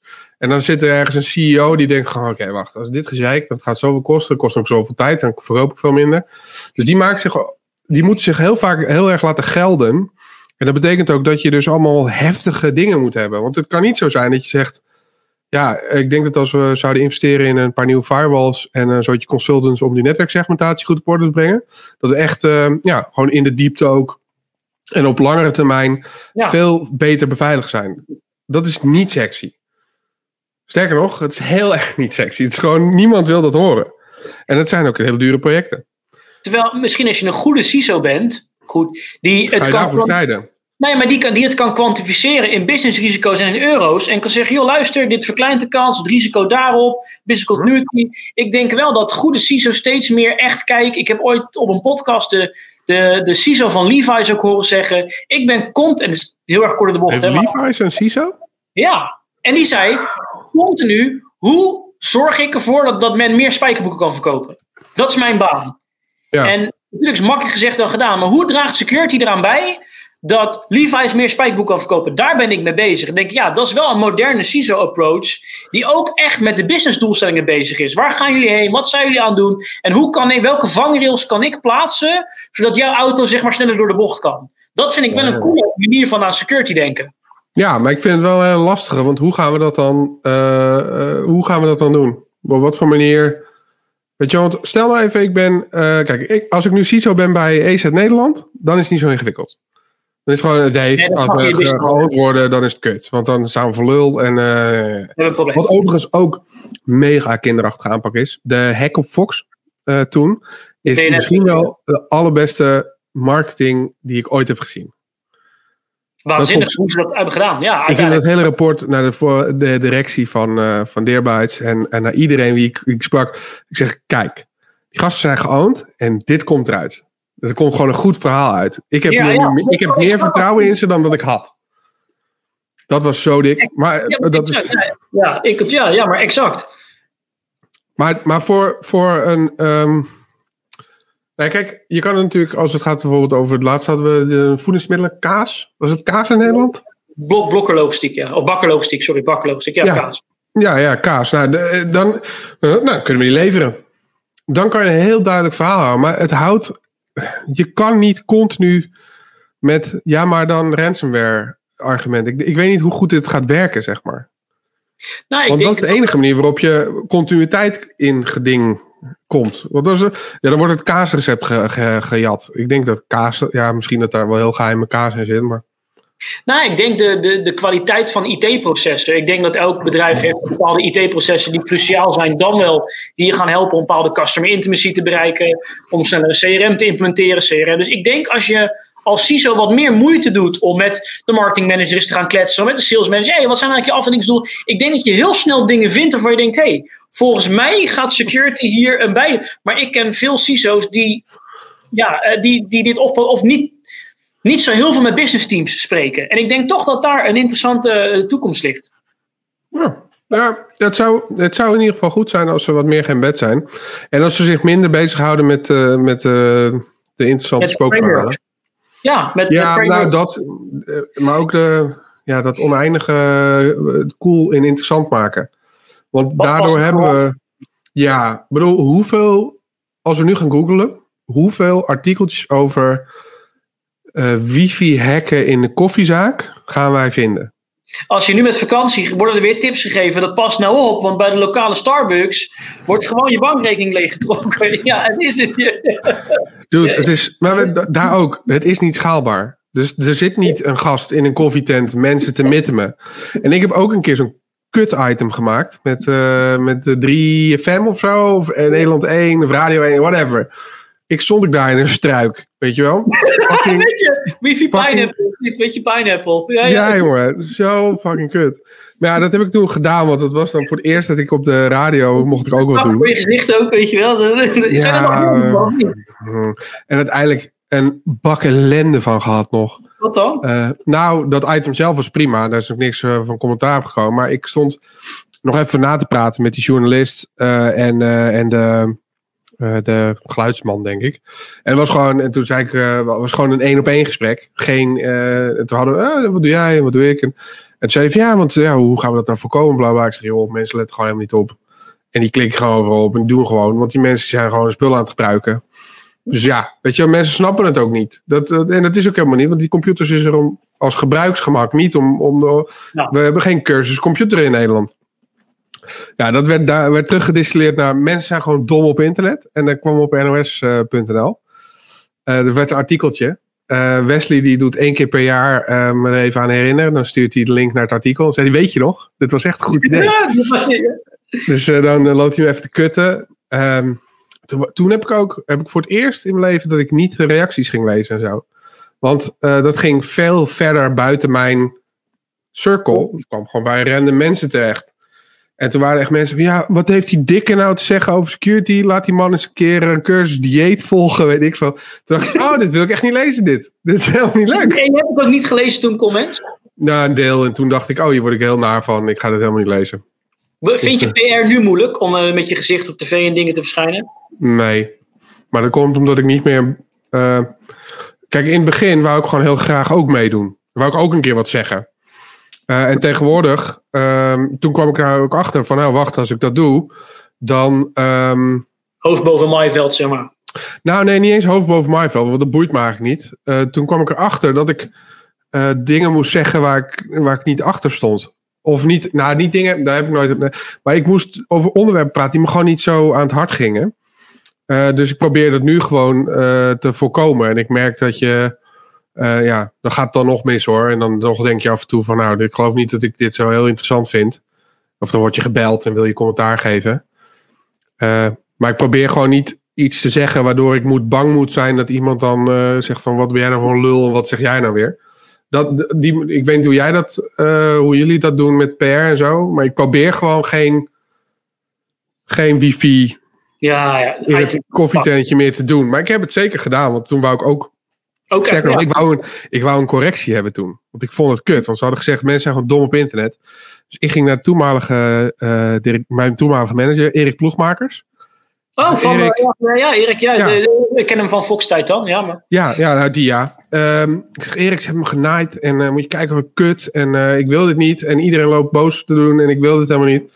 En zei hij, ja man, je kan nu fucking moeilijk gaan doen. Maar de kans dat je dan nog gebeld wordt is klein. Dus wil je nog een keer gebeld worden? Ja, het is ook wel leuk, maar ik wil niet op deze manier. Toen heb ik gewoon geleerd voor mezelf dat ik, dat ik een klein beetje. En ik heb gewoon ook, weet je wel, als Daniel belt, uh, dan, uh, of Joost, uh, want daar heb ik goede verstandhouding mee. Ik snap waar het over gaat. Ja, en met Daniel ook en Joost, dan zeg je gewoon, joh, als je iets Zo. opschrijft, zeg even wat je doet. Of voordat je iets publiceert, ja, dat doen ze. zeg even, weet je wel. En hetzelfde met Rick Wassens. ja, dat, de, maar dat hou ik dan, dat is het cirkeltje. En dat werkt gewoon. En voor de rest een hele heldere communicatie proberen open te houden. Want ik vind het ook eng. Je nou, wil gewoon niet met iets kuts op internet komen. Nou, maar het, het is ook um, de, de, de verwarring die het soms zaait. En het, weet je, we hebben het niet over Rian van Rijbroek-achtige dingen. Maar hmm. uh, je, je, misschien... Ik weet, ja, jij beseft me dat misschien wel. Maar die bubbel daarbuiten, buiten onze bubbel... Die maakt zich soms echt zorgen, Rick. Ja. En, en alles wat er gebeurt, er zijn toch veel burgers die, die ernaar kijken en luisteren en denken: wat is dit dan en hoe of wat. Dus op het moment dat er weer eens wordt gezegd over bankapps, of dat er weer eens wordt gezegd over niet wifi, of je hebt mensen die gewoon echt. Die, die geloven dat. Ja, die het allemaal hartstikke spannend vinden. Dus we, we, je zaait echt onrust soms met dat soort items met en hype. Ja. ja, ik ben het helemaal met je eens. Ik ben het helemaal met je eens. Wacht even, ondertussen zitten ze bij uh, mijn, mijn geliefde collega's. Ja, ja, ja. Dit, dit, dit is voor altijd. Ja, maar het, mensen zijn dom en gemakzuchtig op internet. Tussen aanhalingstekens. Ja, ik heb die, die, die exacte zin nooit gebezigd, maar ja. Mark, maar, Robin Visser, als je hier nog uh, naar luistert, fuck you. maar jij kan niet tegen Joost Schellevis zeggen: Joost, hier heb je een cracker en een bounty en verwijder even dit op de backend. Ik heb geen idee, man. Het is uit 2014. Uh, en die jongens hebben één keer per jaar hebben ze heel veel lol van. En nu weer. Ja, nu weer. Ze zitten in de, in de chat, zitten ze hem ook uh, gewoon te naaien. Kijk, daar red je hem. Theo, fuck you. Maar, maar uh, ja, weet je, dat, dat, dat is gewoon... Uh, ja, ja, dat is. maar je hebt, wel, je hebt helemaal gelijk met, met, uh, met die mis, des, desinformatie. Want je krijgt heel veel mensen van... Ja, want als ik op een linkje klik, ben ik gehackt. Nou, hoe is dat ontstaan? Iemand wou gewoon een keer bij een journalist ook op tv. Ja, en, en dat hebben we wel gezien met de impact van zo'n zo'n Rian van Rijbroek. Je, journalisten zijn toch ook op zoek, want er wordt heel veel gezegd over cyber nu. Dus het is niet zo makkelijk om op het gebied van digitale veiligheid een leuke invalshoek te hebben. Dus het, het, attributiestuk, het is Rusland, het is China. Dat, dat, en dan moet ik wel zeggen, de journalisten die jij net noemt, uh, dat is echt. Dus ik vind dat gaaf, dat dat echt journalisten zijn die precies weten waar het over gaat. En, en proberen echt aan goede informatievoorziening te doen. En dat, uh, dus ik, ik denk wel dat we daar de laatste paar jaar, althans, wel echt stappen, stappen in gemaakt hebben. Ja, nou, dat denk ik ook. Ik denk dat, uh, dat, dat er steeds beter mee omgegaan wordt. En dat je ook meer mensen gespecialiseerd. Ik bedoel, volgens mij, hoeveel überhaupt uh, goede gerichte security of IT-journalisten heb je, had je vroeger? Vroeger was het gewoon, ja, ik, ik doe dingen. Uh, en toevallig nu gaat het over computers. Deze gozer, die, die, roept heel hard dingen. Dus ik heb hem als expert naar binnen gehaald. Nou ja, ik denk ja, de mensen die alweer wat, iets met digitaal of met... Uh, ja, en nu zie je dat je natuurlijk echt de, de tech-journalisten hebt. En ik moet ook wel zeggen dat steeds meer platformen... En ik moet zeggen, ik heb wel eens mediatraining gehad. Ik weet niet of je dat gedaan hebt, mediatraining. Nee, dat zou ik toen gaan doen bij, uh, bij KPN. Maar dat hebben ze niet... Ik heb de tijd, was ik weg ik heb gewoon een mindere ervaring gehad, omdat ik niet per se dat toegevoegd. Bij medetraining heb ik althans heel erg geleerd: vertrouw journalisten niet. Ga er als een soort voetballer staan. Kom terug op oh, je ja. eigen punt. Ja. Dus voor mij was het een verschrikkelijke ervaring. Want de meeste journalisten bellen je niet op om jou te grillen. Je hebt geen geld verduisterd. Niet, hoop ik, Rick. Dus ze, ze bellen je voor. Maar die kan nog komen. Nee, ja, ik, ik, dan ga je je broodjeszaak beginnen met dat geld. Dus uh, ik weet dat. Maar dus die journalisten die bellen echt omdat ze willen weten. Natuurlijk willen ze wel eens dingen scherper opschrijven. Maar ze zijn niet op zoek om, om je hele kritische vragen te. Dus dat, dat is ook nu. Ik vind het met de meeste journalisten echt heel leuk om te werken. Omdat zij. Uh, ik mocht deze week voor, voor, voor de dag een podcast doen. Oh, dat, leuk. Die, die presenta presentatrice echt zei van joh, ik vind dit zo'n boeiend onderwerp. Ja. Is gewoon, die mensen vinden het super interessant. Nou, dat is. Tegenwoordig is het meer collaborative effort. Maar ik merk wel, daar merk ik ook een kentering in hoor. Want ik weet nog ja? dat ik. Nou, zeker in het begin, toen uh, bij. Uh, uh, bij, bij Deerbites werd ik opgebeld. Hey Rick, um, zo, zo, zo. Oh, nee, ik heb een mooi voorbeeld. Um, weet je nog dat die gast met een wapen uh, de NOS in is gelopen. Ja, ja, ja, ja. Ja, toen werd ik gebeld. Ik zat op de bank live te kijken en ik werd gebeld. En uh, die gozer aan de andere kant van de telefoon zegt: Hoi, ik ben van de NOS. Uh, misschien heb je het meegekregen. Ik zeg: Ja, ik zit te kijken. En toen, toen uit, hij stelde: Ja, want wat weet je hiervan? Bla bla. Ik zeg: Nou, ik weet het niet. Ik, ja, want hij zegt dat hij met hackers en zo. ik zeg: Nou ja, ik ken hem niet. Ik zeg: En dat, dat wil natuurlijk niks zeggen, maar uh, ja, ja hè, misschien gewoon, uh, het lijkt me gewoon een gekkie verder. Ja, maar ja. En dan opeens hoor ik zo op de achtergrond, hoor ik zeg maar. Ik zeg, joh, ben je dit nou aan het opschrijven? Hij zegt, uh, ja. Ik zeg, um, wat, wat is de bedoeling van? zeg, nou, ik ben je aan het interviewen. Ik zeg, zou je dat er niet aankondigen? Gewoon, dat je, dat je mij aan het interviewen bent. In plaats van dat je me gewoon opbelt. En ik heb het later, ik heb het ook een keer met, uh, met, uh, weet je, met Joost gehad.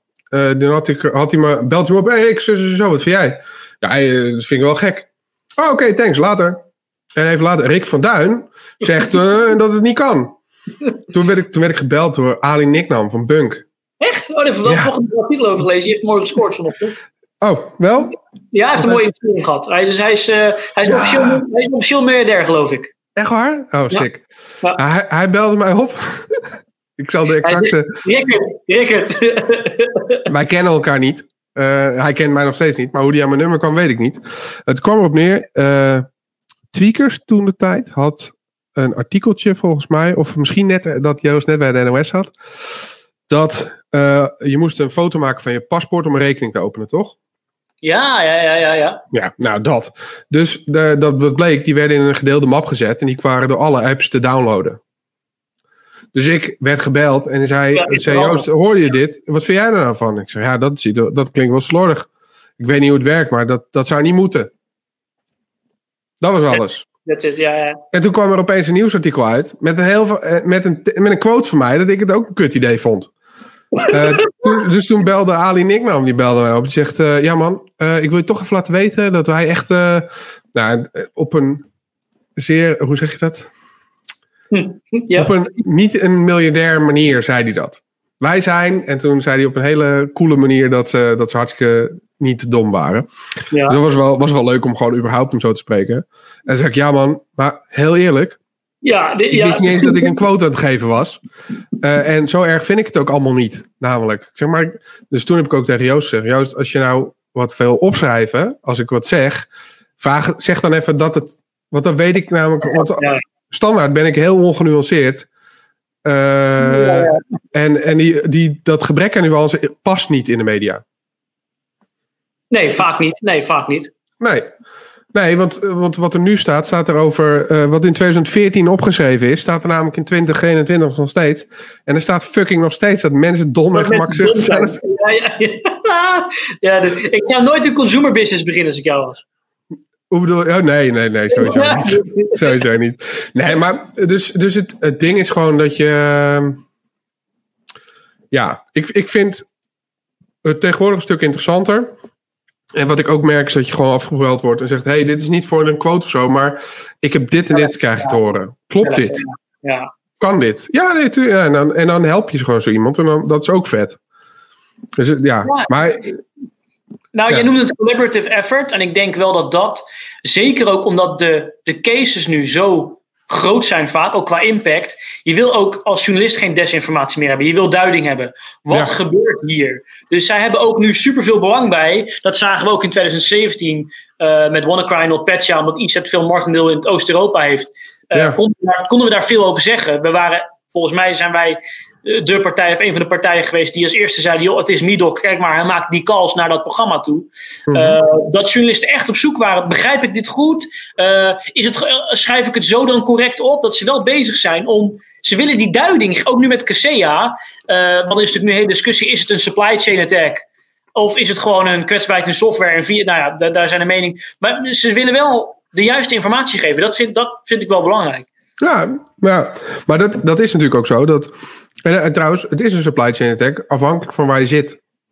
Nee, ben jij, ben jij de MSP? als je klant van MSP bent, is het een supply chain attack. Ja, ja, ja, maar ben jij de MSP, dan is het weer geen supply chain attack. Dus dat is. Uh, maar, ja, wat maar, zij zeggen is: er is niemand op ons internetwerk geweest die broncode heeft aangepast. En zo snap ik hem wel hoe ze hem uitleggen. Maar inderdaad, wat jij zegt van verschillende kanten uit. Ja, uh, uiteindelijk kan je het zien als een supply chain attack. Denk je? Want dat oh, is natuurlijk wel interessant. Altijd gevaarlijke vragen. Nou, nee, nee, nee, valt reuze mee. Nou, nee, het heeft wel degelijk uh, gevolgen, denk ik. Uh, stel nou, hè. De MSP's zijn nu gepopt. Omdat Casea software kwetsbaar was. Alle software is kwetsbaar. Dus dat is moeilijk verwijtbaar. Maar de klanten van de MSP's zullen wel degelijk uh, richting hun leverancier zeggen van... jou man, alles lag op zijn gat. Uh, ik wil vergoed worden of ik wil in ieder geval geen kosten dragen voor de, voor de remediation hiervan. Ja. In hoeverre zouden die MSP's naar Casea toe kunnen gaan en zeggen van joh, ja, door jouw uh, ja, slechte software uh, is, is, zijn er honderd van mijn of duizend van mijn klanten gepopt. Ja. Ik wil graag vangen. Nou, kijk, ik kan daar natuurlijk als softwareleverancier zelf zijn er wel iets over zeggen dat in veel gevallen accepteert de men, degene die het gebruikt een, een end-user license agreement. Ja. En een end-user license agreement is een ander woord voor je vrijwaart ons van alles. Dus juridisch, zeker als er ernstig na, een ernstig verwijtbare nalatigheid is, is er altijd een kans. En je mhm. kan je afvragen, als je nu straks de details ziet van Casea, ja, in hoeverre altijd wel op orde moet zijn of niet in orde moet zijn, et cetera. Ik vind van de klant nog wel een vraag, ja, hoe, hoe zo'n MSP dan zijn Kaseya-server bereikbaar maakt. Vind je daar nog wat van? Maar het is zo lastig hoor, om een softwarefabrikant die zegt: hey, je mag software wel gebruiken, maar als je hem gebruikt, zijn we niet aansprakelijk voor eventuele schade. Zijn we niet, dat, dat staat allemaal in zo'n EULA, in, in, in veel gevallen. Ik maak gelijk een notitie voor Zolder. Fix je EULA, je End-User License Agreement. Ik, ik gooi hem gelijk in de chat. Uh, jongens, hebben wij een EULA. Niet heel belangrijk. Ja, ja. Maar uh, want het is een tijdje geleden is het gebeurd. Uh, bij een uh, eh, MSP'er. En die, die had. die, die werd uiteindelijk ook door de rechtbank. werd hij verplicht om, om toch te vergoeden. Omdat hij in zijn aanbieding had van ja, we gaan het beveiligen of zoiets. En, en de beveiliging was niet. die eindklant is gewoon geoond. ook ransomware, dacht ik.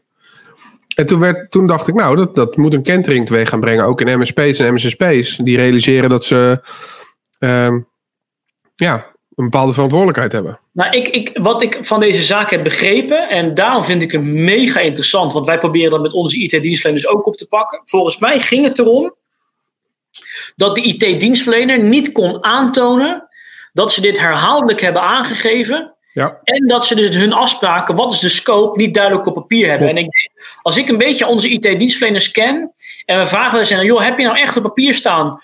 Wat, heb je, wat doe je wel? Uh, uh, wat doe je niet? En hoe vaak. Ik, ik denk dat daar echt heel veel te halen valt, Rick. Ik denk echt dat veel, dat veel klanten denken dat alles beveiligd wordt. En de ja. MSP'ers denken, ja, maar we doen eigenlijk het hoognodige. Ja, en dit doen we. Dit doen we. En dat, dat gat, dat grijze gebied, daar wordt volgens mij bijna nooit over gesproken. Nee, nou, ik denk het ook. Ik denk ook dat dat een kwestie is van... Uh, uh, er zit een aanname bij de afnemer. En bij de leverancier zit er een... Ja, daar kunnen we nog een discussie over krijgen. Dus dat willen we niet. Uh, want als ik dan zeg dat ik dat niet doe, dan zegt ze hoezo? Dat zal toch, zit toch bij? En dan moet je uitleggen dat het niet in de prijs zit. Um, en als je niet heel sterk in je schoenen staat, denk ik dat je die hele discussie niet durft. Nee. Nou, wat ik nu wel interessant vind, ik weet niet wat jij ervan vindt, uh, ik vond hem wel grappig. Het, het Digital Trust Center heeft zo'n risico-checklist, uh, risicoprofiel gepubliceerd. Dus je vult ja. Uh, in wat voor bedrijf je bent. Ik ben zo groot, ik doe dat, ik doe dat. Dan zegt het DTC, nou, weet je, dan heb je deze score en dan moet je ongeveer deze maatregelen nemen. Nou, Ja. als je als IT-partij zegt, joh, we pakken dat risicoprofiel als basis. We plotten die en die dingen doen we wel. Dit kan je als add-on, als gold SLA kopen, dit als platinum. En uh, nou, uh, uh, let's go. Ik denk dat je dan echt best wel wel een eind bent. Als je op dat niveau met je klanten kijkt naar, wat is het risico van je klant? Wat moeten Ja. we dan treffen? En welke upsell is er nog meer? En als een klant zegt, ja, maar ik wil niet 24 7 monitoring. Oké, prima. Maar dan schrijven we wel even op dat als er om 8 uur s'avonds wat gebeurt, dat jij nu bewust daarvoor kiest dat we dat niet opvolgen. Ja. Ja. ja, maar goed, hoeveel 24-7 monitoring is er nou in Nederland te krijgen, denk ik dan? Ja, ik, nou ja, goed. Ik denk dat het wel. Kijk, wij, wij doen dat. Uh, ik denk dat je uh, Volksmotive, Atos. Uh, Is Fox ook 24-7? Is het echt 24-7? Ik denk het. Hebben ze niet Ah. met NBC nu? Ik, ik denk het. Oh, ik wacht, denk, ja, is, ja, dat is de groter. denk dat ze, daar, dat ze die dekking uh, zeker wel, wel hebben. Ja. Ehm, maar ik snap wel waar je heen wil. Je hebt natuurlijk van veel partijen die 4 en 7 hebben, die, waar zeg maar s'avonds, uh, ja, wat gaat gewoon een sms'je uit als het kritiek is en anders gebeurt er helemaal niks. Ja, ja. Ik bedoel, 24-7, er is natuurlijk... Die Nee, definitie is lastig, vind ik. En wij hebben ook klanten die zeggen, ja, je kan ons gerust bellen, maar er zit bij ons s'avonds ook niemand, dus daar hebben we niks aan. Dus die, die, Ja. die, die kant is er. eh, die kant is. Maar ik denk inderdaad, de, de upsells. Kijk, wij hebben nu ook op een gegeven moment. Dat is misschien voor jullie ook nog wel een commercieel model. Wij zijn Ja. nu gewoon vanuit zorgplicht. eh, een upsell gesprek aan het aangaan. Wij zeggen nu tegen klanten: oké, je hebt endpoint. We hebben ook een sandbox en je hebt een IDR. Weet je dat? Mhm. Ja, dat weet ik. Oké, je, je kiest ervoor om niet af te nemen. Eh, en je weet ook dat het je wel had kunnen helpen. Waarom neem je niet af? Nou, we vinden het te duur. Oké, check. Maar wij hebben in ieder geval voor onszelf kunnen we zeggen. We hebben je gezegd dat we IDR hebben. We hebben een cloud sandbox. En om alle beste redenen zeg je dat je dat niet wil. En ik vind wel dat we in plaats van zeggen: hey, we hebben iets cools, iets nieuws. Nee, ook gewoon vanuit zorgplicht. Hey, we hebben iets. Dat gaat je risico verkleinen. Maak je bewust die keuze? Of heb je gewoon gedacht: oh, dat is weer een vendor die me iets meer wil verkopen, zeg maar. Ik denk dat dat trouwens wel een gezondere aanpak is dan, eh, dan elke keer gewoon maar shit pushen. En als het dan fout gaat, ja, maar jij wou dit niet. Ja, ja. Maar Het, het enige wat ik dan nog mis, en dat mis ik eigenlijk in de hele eh, security, want onderdeel ook, ook van jullie security, zou eh, backups, eh, dus immutable backups zijn. En er is gewoon geen eens een leverancier voor. Voor, voor een goede online backup die ik niet kan editen met mijn domainaccount. Die ik gewoon niet kan verwijderen. Of in ieder geval misschien met een brief. Dat zou goed zijn als je gewoon een brief moet sturen of zo. En hoezo, hoezo, zou je daar, hoezo zou je daar niet nu iets mee gaan doen? Business-wise? Ja, ik- omdat ik met, nu al gek word met eh, een app eh, maken voor Office 365. Ik bedoel, Opslagruimte is een van de makkelijkste dingen die je kan fixen tegenwoordig. Ja, ja, maar daarom zeg ik, als je, stel je nou voor, hè, je hebt gewoon, eh, je, je hebt een backup dienst online ergens. En je kan er elke keer een delta heen sturen. We slaan die delta op. Dus als het vandaag, eh, als jij vandaag eh, een ransomware gang zegt van crypto alles, dan wordt die gecrypte versie er ook heen gezet. Dat is dan de delta. Dan zou je zelfs nog detectie op kunnen draaien. Dat is dan wel weer een leuk idee. Moet je je voorstellen dat je gewoon op de readmes en zo kan gaan filteren in je eigen backup oplossing. Zijn er niet mensen in de chat die nu zeggen: joh, we gaan gewoon met dit zolderclubje gaan we gewoon een, een spin-off uh, beginnen? ja, dat zou. Maar serieus, het heeft echt zin. Nou, ik heb wel eens gedacht om een soort uh, Cybersecurity Dragons Den te organiseren. En oh, gewoon zes uh, pitches te laten komen. En dan vanuit cybersecurity blijven te investeren. En te zeggen: Nou, weet je, ga maar. ik wil ook een keer zo'n Michel Peridon voelen. Ik heb wel geen trustvermogen, maar daar kunnen we toch wel leuke dingen mee doen. ja, nou ja, ik denk dat het echt wel zin heeft. Maar een goede want wij hebben dus een tijd geleden hadden we een ransomware incident. En toen hadden ze ook netjes de, de NAS uh, hadden ze ge, ge, gewiped. Dus de backups waren weg. En wat we toen uiteindelijk hebben neergezet is uh, twee NAS'en. En de tweede NAS zit in een apart segment. Uh, Waar je niet bij kon. Die wordt niet gemanaged vanuit Active Directory.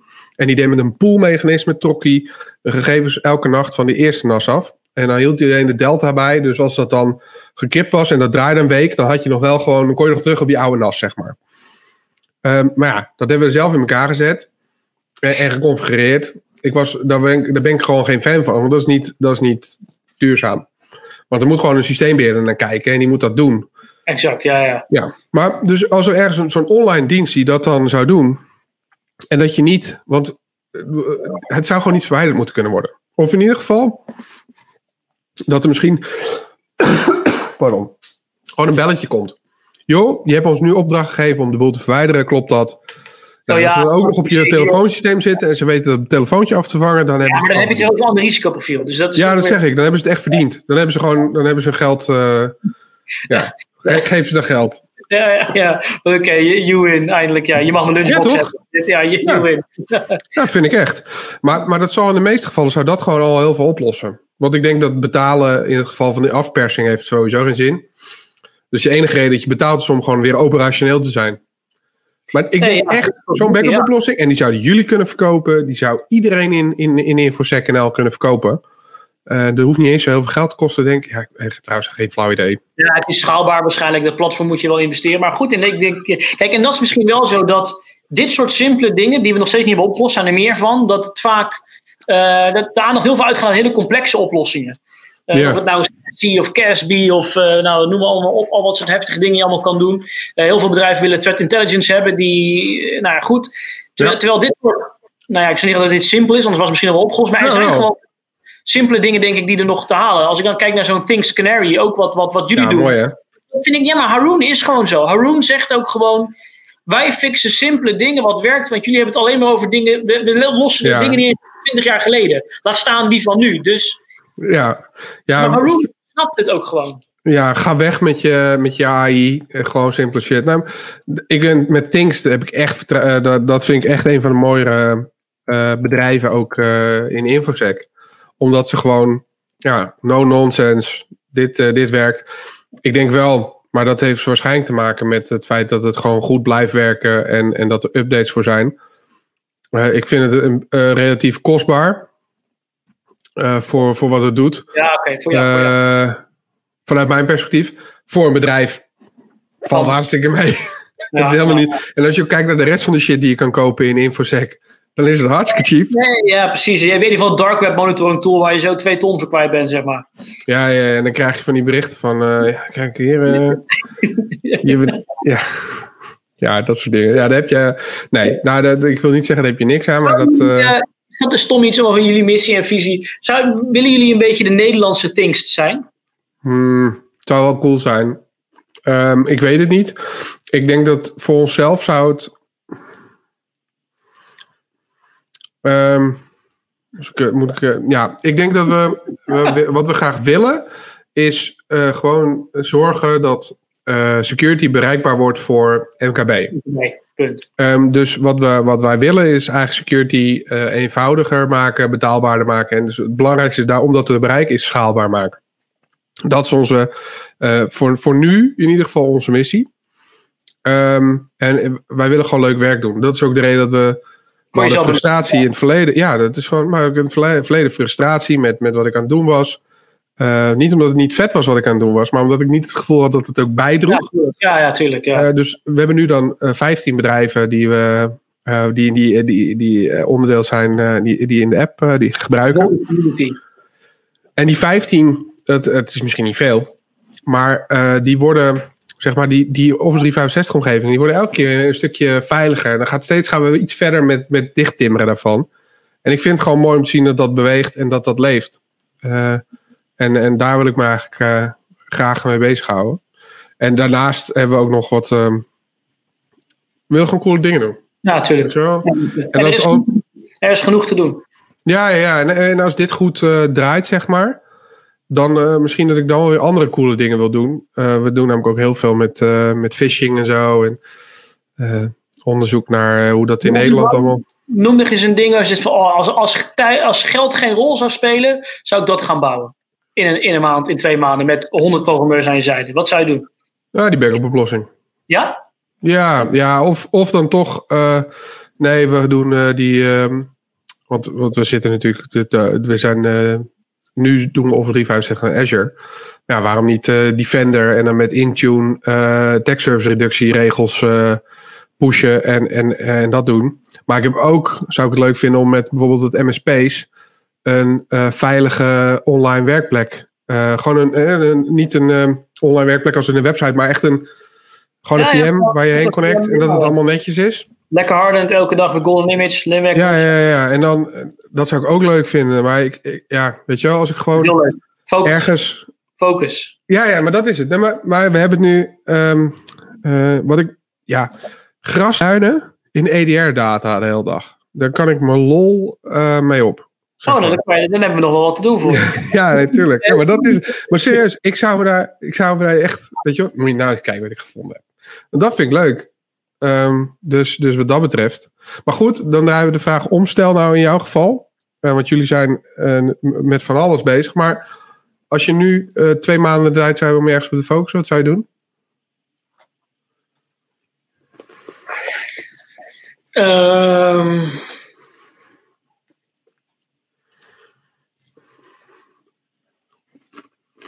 gaat zoveel, dat is het probleem, dat je zoveel dingen waarvan ik denk, oh, dat zou gaaf zijn. Ja, ik had ook niet voor niets zoveel voorbeelden. Het is gewoon... Uh, nee, ja. maar ik denk dat dat dan echt zit in Managed Detection en Response voor MKB'en. Een, ja. een resellbare Managed Detection en Response dienst voor IT-dienstverleners, die... Mm -hmm. Waarin zij met het rapport naar, naar de klant gaan en zeggen: joh, zo en zo kan je dit doen. Vrijwel geautomatiseerd, vrijwel allemaal, alles Jip en Janneke, alles gewoon zo werkbaar mogelijk. En op basis van de bevindingen ook kunnen verbeteren. Doe dit, doe dat. Ja, ik denk de meest schaalbare MDR-dienst van Nederland bouwen, denk ik. Fortin, dat is echt. Ja, nou, dat, dat idee, dat, we hebben uh, altijd, want dat gaat een soort gelijke. Ja, de, de, de, de, universe, die, uh, nee, is, is, is zo. Ja, ja dat, dat is letterlijk het gesprek wat ik dus vorige week bij Falcon Force had dat uh, in ieder geval de, om de techniek voor de configuratie en, uh, en, het, en het harden, dat zou ik helemaal willen automatiseren. Ja, en dan een losse BV met um, die, uh, die, die, waar dus mensen zouden zitten die je kunnen ondersteunen. Dus dan, dan heb je waarschijnlijk, als je kijkt bij een MSP'er, heeft hij 100 klanten die het afnemen, ik noem maar wat. Nou, dus al 80% procent zal zeggen, joh, ik doe mij gewoon het hardenen en verder hoef je niks te doen. En 20% zeggen, nou, ik wil toch hebben dat er af en toe mensen naar kijken. Ja, en dat kan je dan, uh, die IT-dienstverlener kan het niet leveren, maar wil er wel geld aan verdienen. Dus dan kan je het op die manier uh, kan je dat, uh, kan je dat leveren. Ik, daar geloof ik echt in. Ehm, maar ja, dat is het, weet je wel. Het, ja, ja, dat gaat. Het is gekmakend hoeveel leuke dingen je kan uh, te veel dingen. Ja, Rick, mijn, mijn laptop is zo, is zo down. er komt een soort technisch einde aan de, aan, aan de zoldersessie, denk ik. natuurlijk al even verplaatsen, maar ik denk ik ga speciaal voor jullie in de soort van studio nog zitten. Want dan heb je, ik weet dat jullie weer vet zolder hebben. Dus ik denk, ja, ik, ik, ik moet wel wat doen hè, met zolder. Ik, ik moet ja. wel een beetje voor de dag komen. Nou, die van jullie ziet, uh, mijn zolder is, uh, is, deze witte achtergrond. Dus wat dat betreft. Uh, ja. heb maar me... ik heb het altijd cool gevonden. Dat jullie, jullie zitten echt op zolder. Dit is gewoon zo cool. Wesley is echt verplaatst trouwens ook. Die heeft nu ja. zijn, zijn oude kantoortje, heeft zijn zolder verbouwd. En die kan nu eindelijk op zolder gaan zitten. Dus die doet ook straks voor ja. echt niet mee. Ja, goed. Hey, maar dan hartstikke bedankt voor je deelname. Uh, we hebben uh, gedeeltelijk besproken wat we wouden doen. Maar ik heb nog steeds niks over je carrière geleerd. Inmiddels is eh, Dave's laptop gewoon volledig uitgevallen, dus dan doen we het even zo. We hebben helemaal niets geleerd over, over Dave en, uh, en zijn carrière. Dat kwam omdat het gesprek eigenlijk vanaf moment 1 helemaal escaleerde. En dat is juist hartstikke leuk. Um, dus Dave, als je nog dit kan horen, hartstikke bedankt voor je deelname. Ik vond het erg leuk. Misschien, misschien later nog een keer. En dan spreken we elkaar nog een keer. Ik wil in ieder geval iedereen die heeft meegeluisterd hartstikke bedanken. En ja, een hele fijne dag verder. Doei!